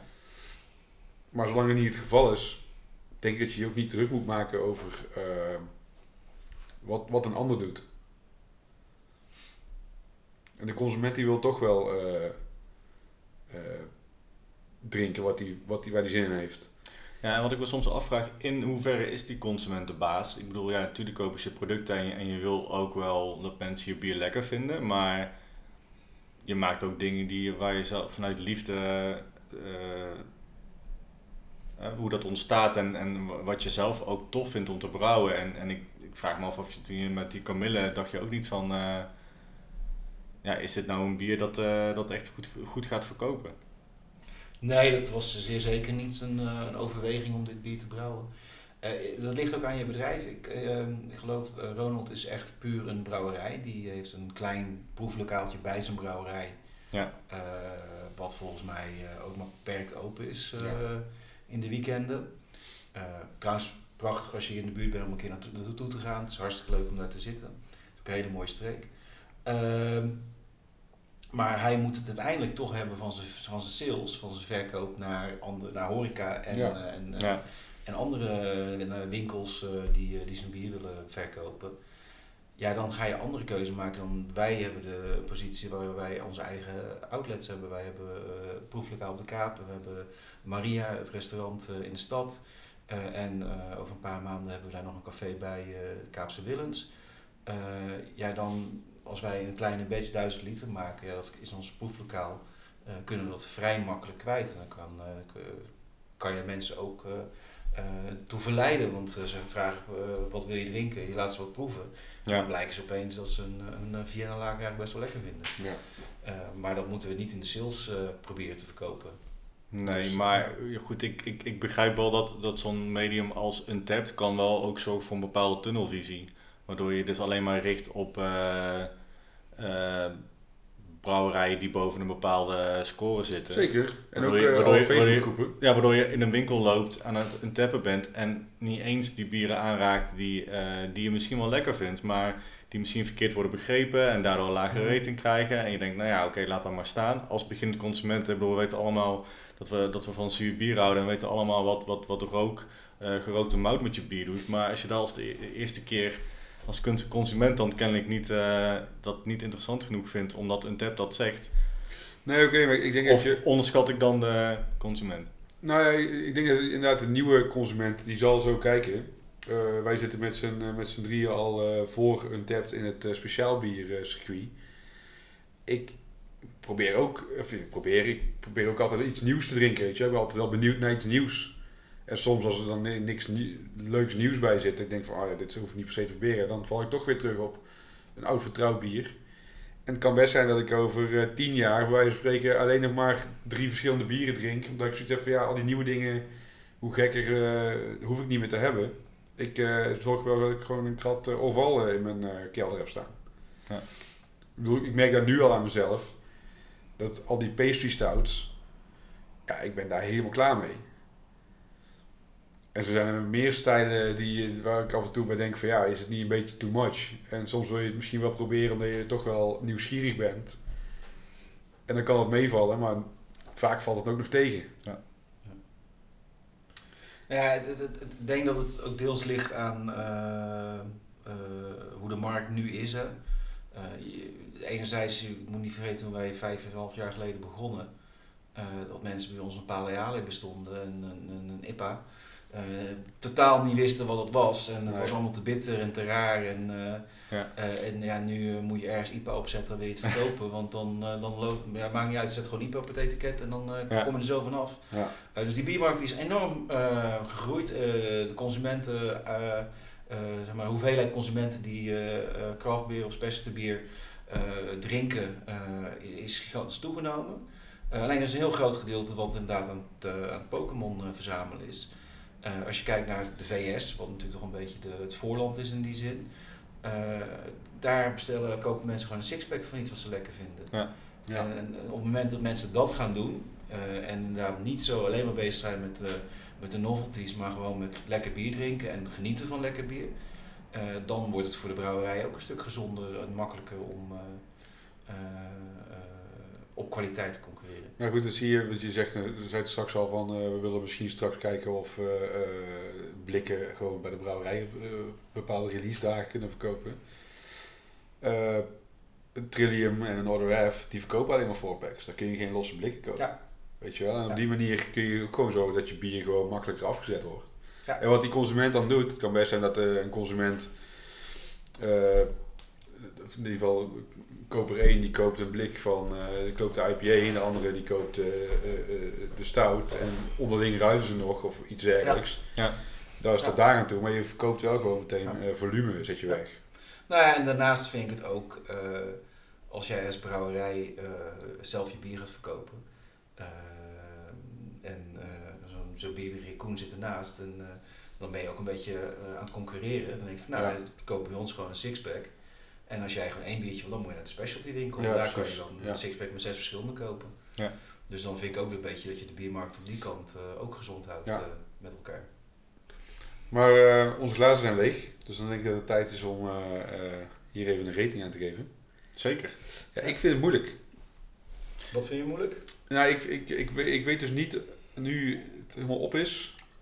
We hebben nog een heel klein beetje Ja, om we toch kunnen- even, even de keuze Ja, dit gaat met, hem... eh, goed af te wegen. gist, heerlijk. Ja, ik moet zeggen, nu die ook wat, eh, wat langer staat, dat je ook iets meer de chocoladetonen door de turf heen ruikt. Ja, maar net toen hij net ingeschonken werd en ik rook, kreeg ik wel echt zo'n rilling. Zo van, oh, dat het zo, zoveel is, zeg maar.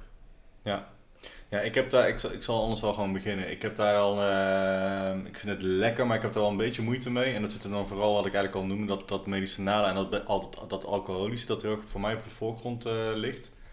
Ehm waarbij ik wel positief vind, wat je al zei, hij is lekker doordrinkbaar, tegelijk gevaarlijk. Ehm, ik ga dan voor de 3,5. Eh dan mag die voor mij, ehm, ja, het is misschien ook niet gewoon helemaal mijn stijl de, de, ehm, de Dark, wat was het? Dark Ale? Ja, Strong Dark Ale. Strong Dark Ale.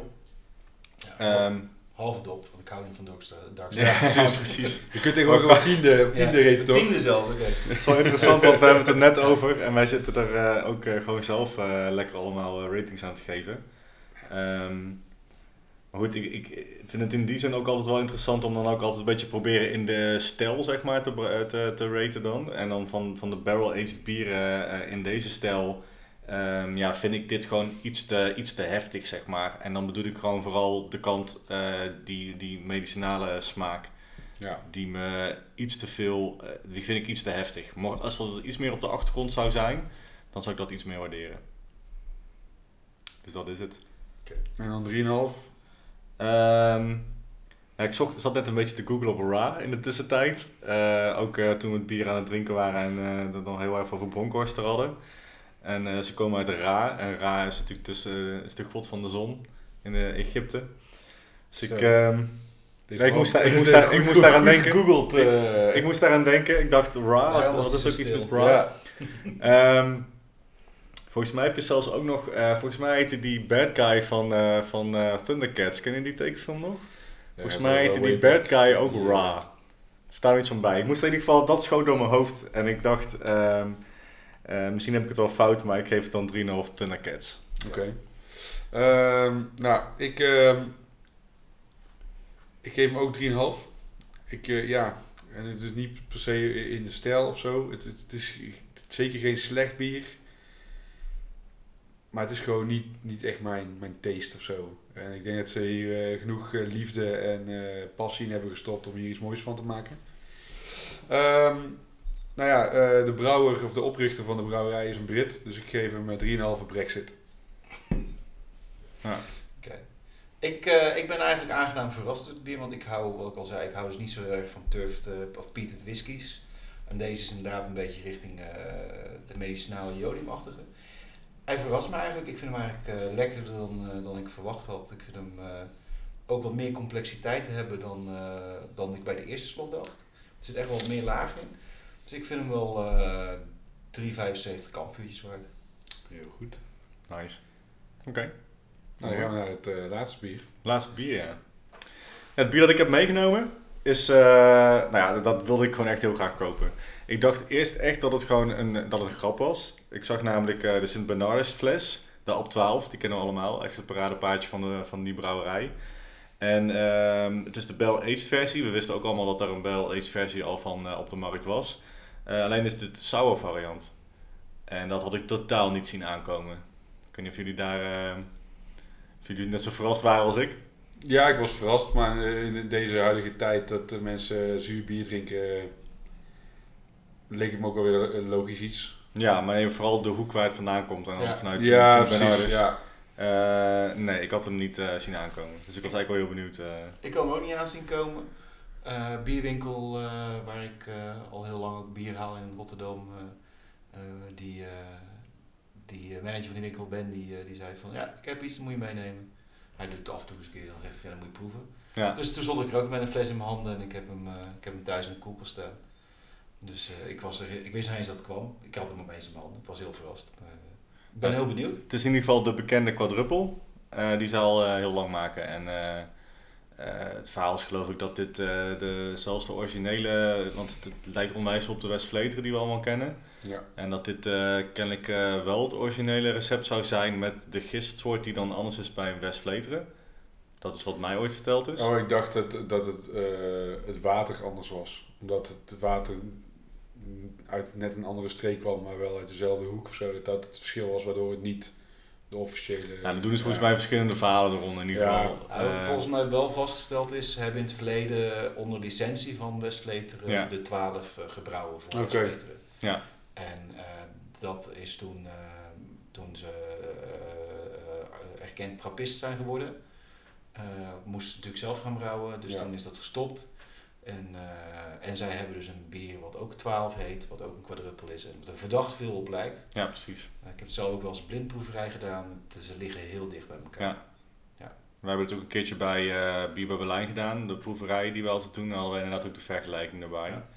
En dat is heel lastig. Want die hadden ze ook echt naast elkaar laten proeven toen. Ja. Ook het heel leuk is om te doen. Ja. De man op het etiket is overigens geen, geen pater, want hij heeft geen keppeltje. En dat heeft ook te maken met het hele Westvleteren verhaal. Aangezien er dan eh, verwarring ontstaat, eh, is hij van uiterlijk veranderd meerdere keren al. Oh, dus dat was ook zo'n soort van Course eh, Stone en een Course Edge verhaal. Zeg Ik denk maar. het, het is nu gewoon een gezellige oude man met een biertje. Die Ja. verdacht veel op een paard lijkt. Toevallig Ik wil een zeggen, ja, ik het zeggen. Ja, ja. ja. Nee, ja, goed. ehm, dus eh, wat ze gedaan hebben met de quadruple is, ehm, eh, ze hebben het voor drie jaar laten rusten in, eh in, in eiken vaten. Eh, daardoor is het verzuurd. En ze hebben het eh, daarna wel ehm, het bier eh, versneden, oftewel eigenlijk eh, ja, gem- gemengd met, eh, met de AB 12 en toen gebotteld. Oké, nou, maak hem open. Ja, hij zit wel in de chique fles met kurk. Als u. Merci. Volgens mij zitten we qua uiterlijk van het bier redelijk eh, het origineel. Ik kan me dat niet echt... Ja...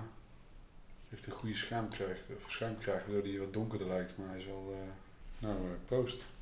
Proost. Ja, cheers. Eerste indruk.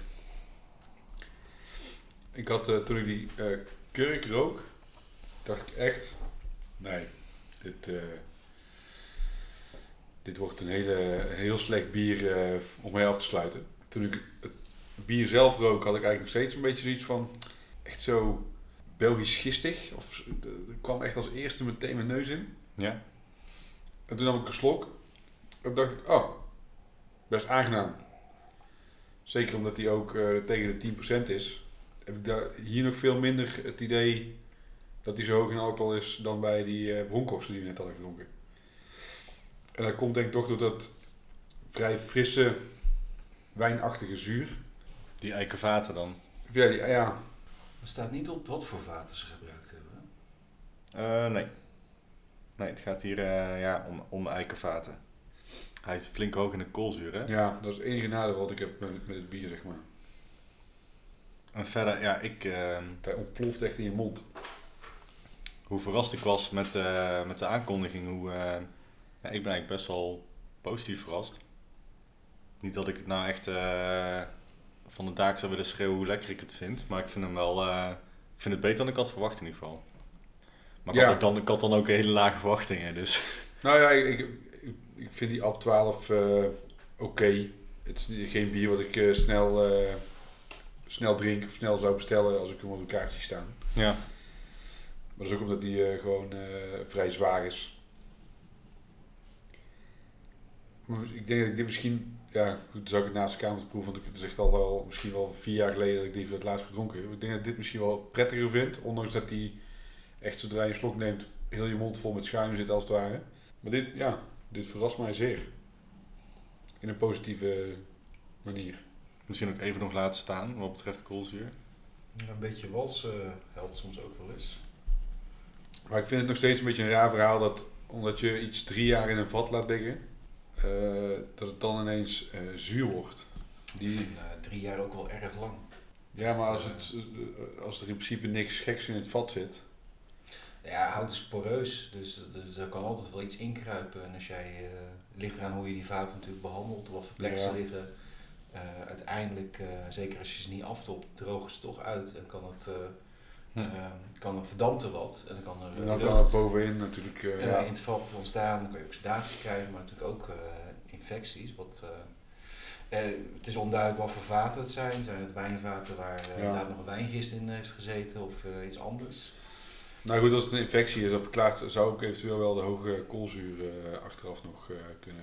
Ja, ik vermoed dat ze dit wel gepasteuriseerd hebben, want ze hebben het geblend met de gewone 12. Ik weet niet of het pasteuriseren zijn. Ik heb geen idee of ze pasteuriseren. Als zij dit geblend hebben met de gewone 12 waar nog restsuikers in zitten, dan zou het wel heel gevaarlijk zijn als ze hem niet Ja, maar goed, dan krijg je misschien, eh, dan krijg je misschien juist dit.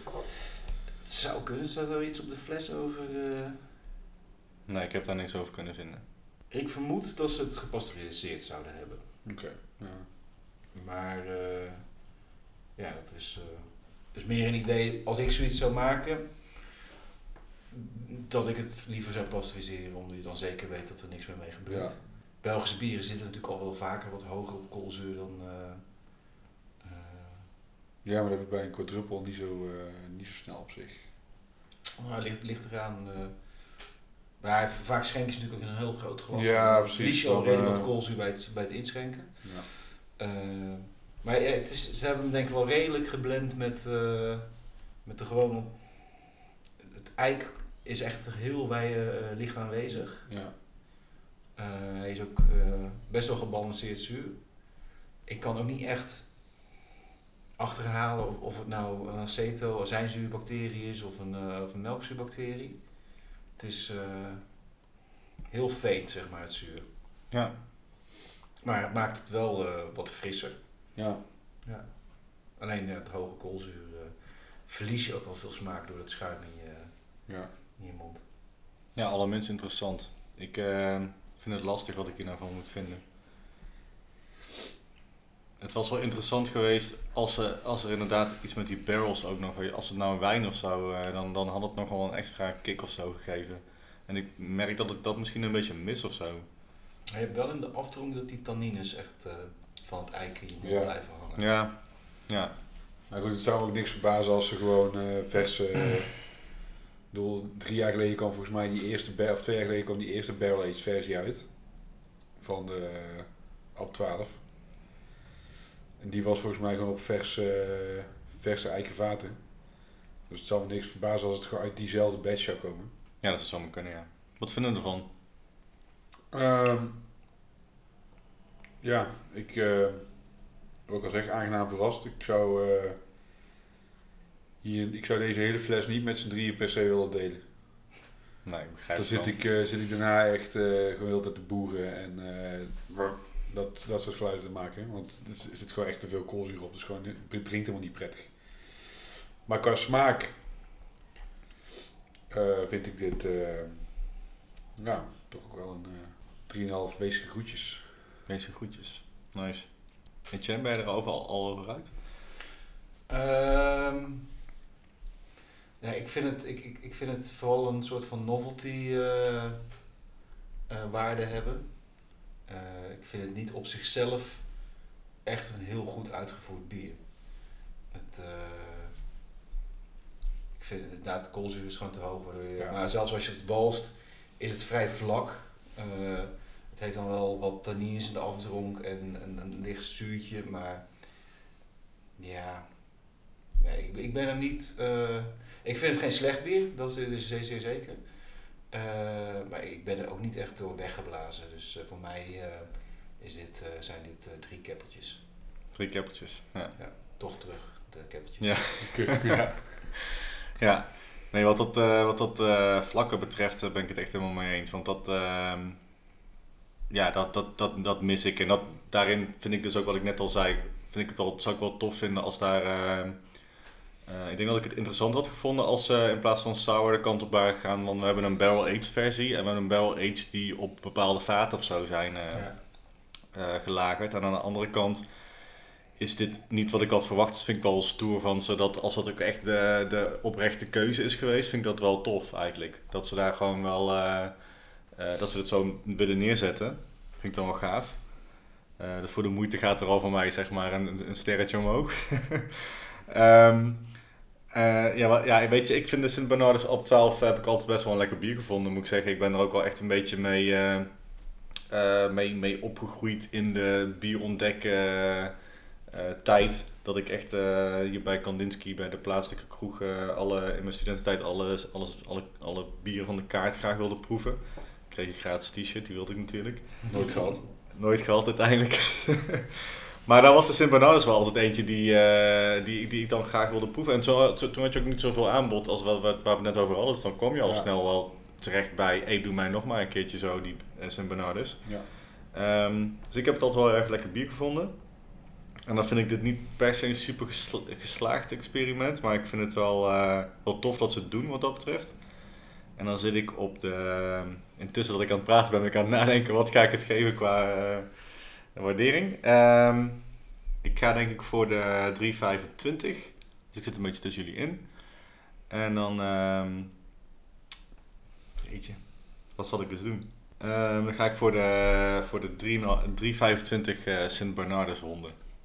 Ah, Beethoven. Ja, Ja. Beethoven. Ja, en toch, eh, eh, ik vraag me dus echt af bij dit bier, weet je, in hoeverre je eh, zoiets kunt eh, eh, plannen. Bedoel, ze hebben natuurlijk, eh, ze hebben dit waarschijnlijk tegelijkertijd afgevuld met eh, die, die, de vorige batch eh, barrel ze hebben gedaan. En die hebben ze na een jaar hebben ze die afgevuld op fles. Daar waren mensen best lyrisch over. Ik denk niet dat ze achteraf hadden verwacht dat het zuur zou worden. Ik denk niet dat dat een bewuste keuze is geweest. Nou, hier staat door deze ingreep verouderd en verzuurt het bier op een natuurlijke wijze. Ja, maar dat hoeft niet per se een geplande wijze te zijn. Mm, nee, maar dat, dat het zuur zou worden hebben ze, Nee. zeggen ze, voorzien. Maar Vooraf zeggen ze dat.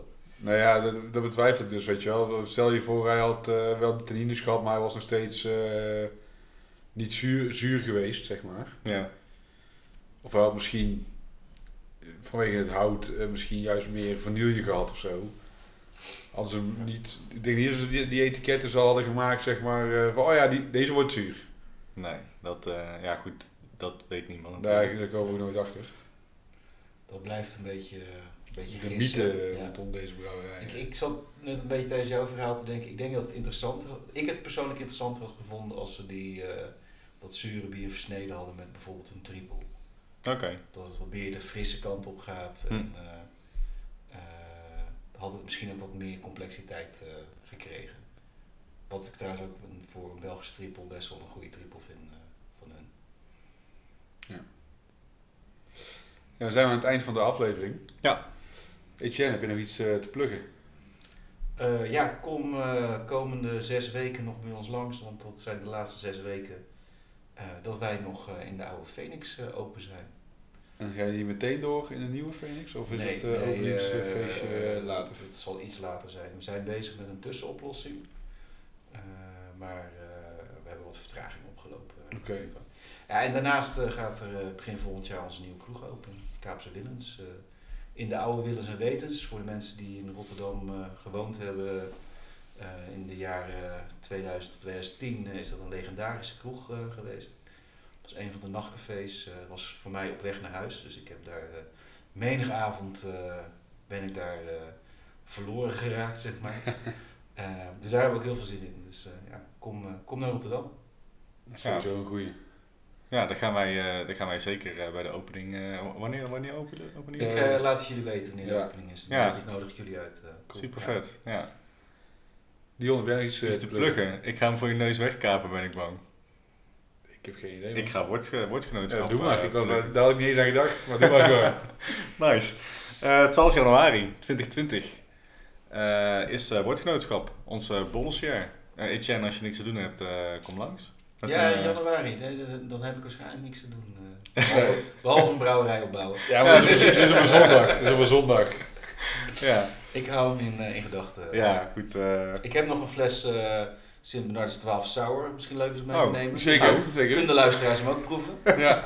ja, interessant. Nee, maar eh, we gaan inderdaad weer eh, bij eh Troubadour in Tilburg. Eh, een van de oudste kroeg van, eh, van Tilburg. Ja. Waar jullie ook eh, een keertje zijn geweest, hè? Ja, Met, ik heb daar ergens eind zomer heb ik daar een avond als bebaarde brouwer gestaan. Ja.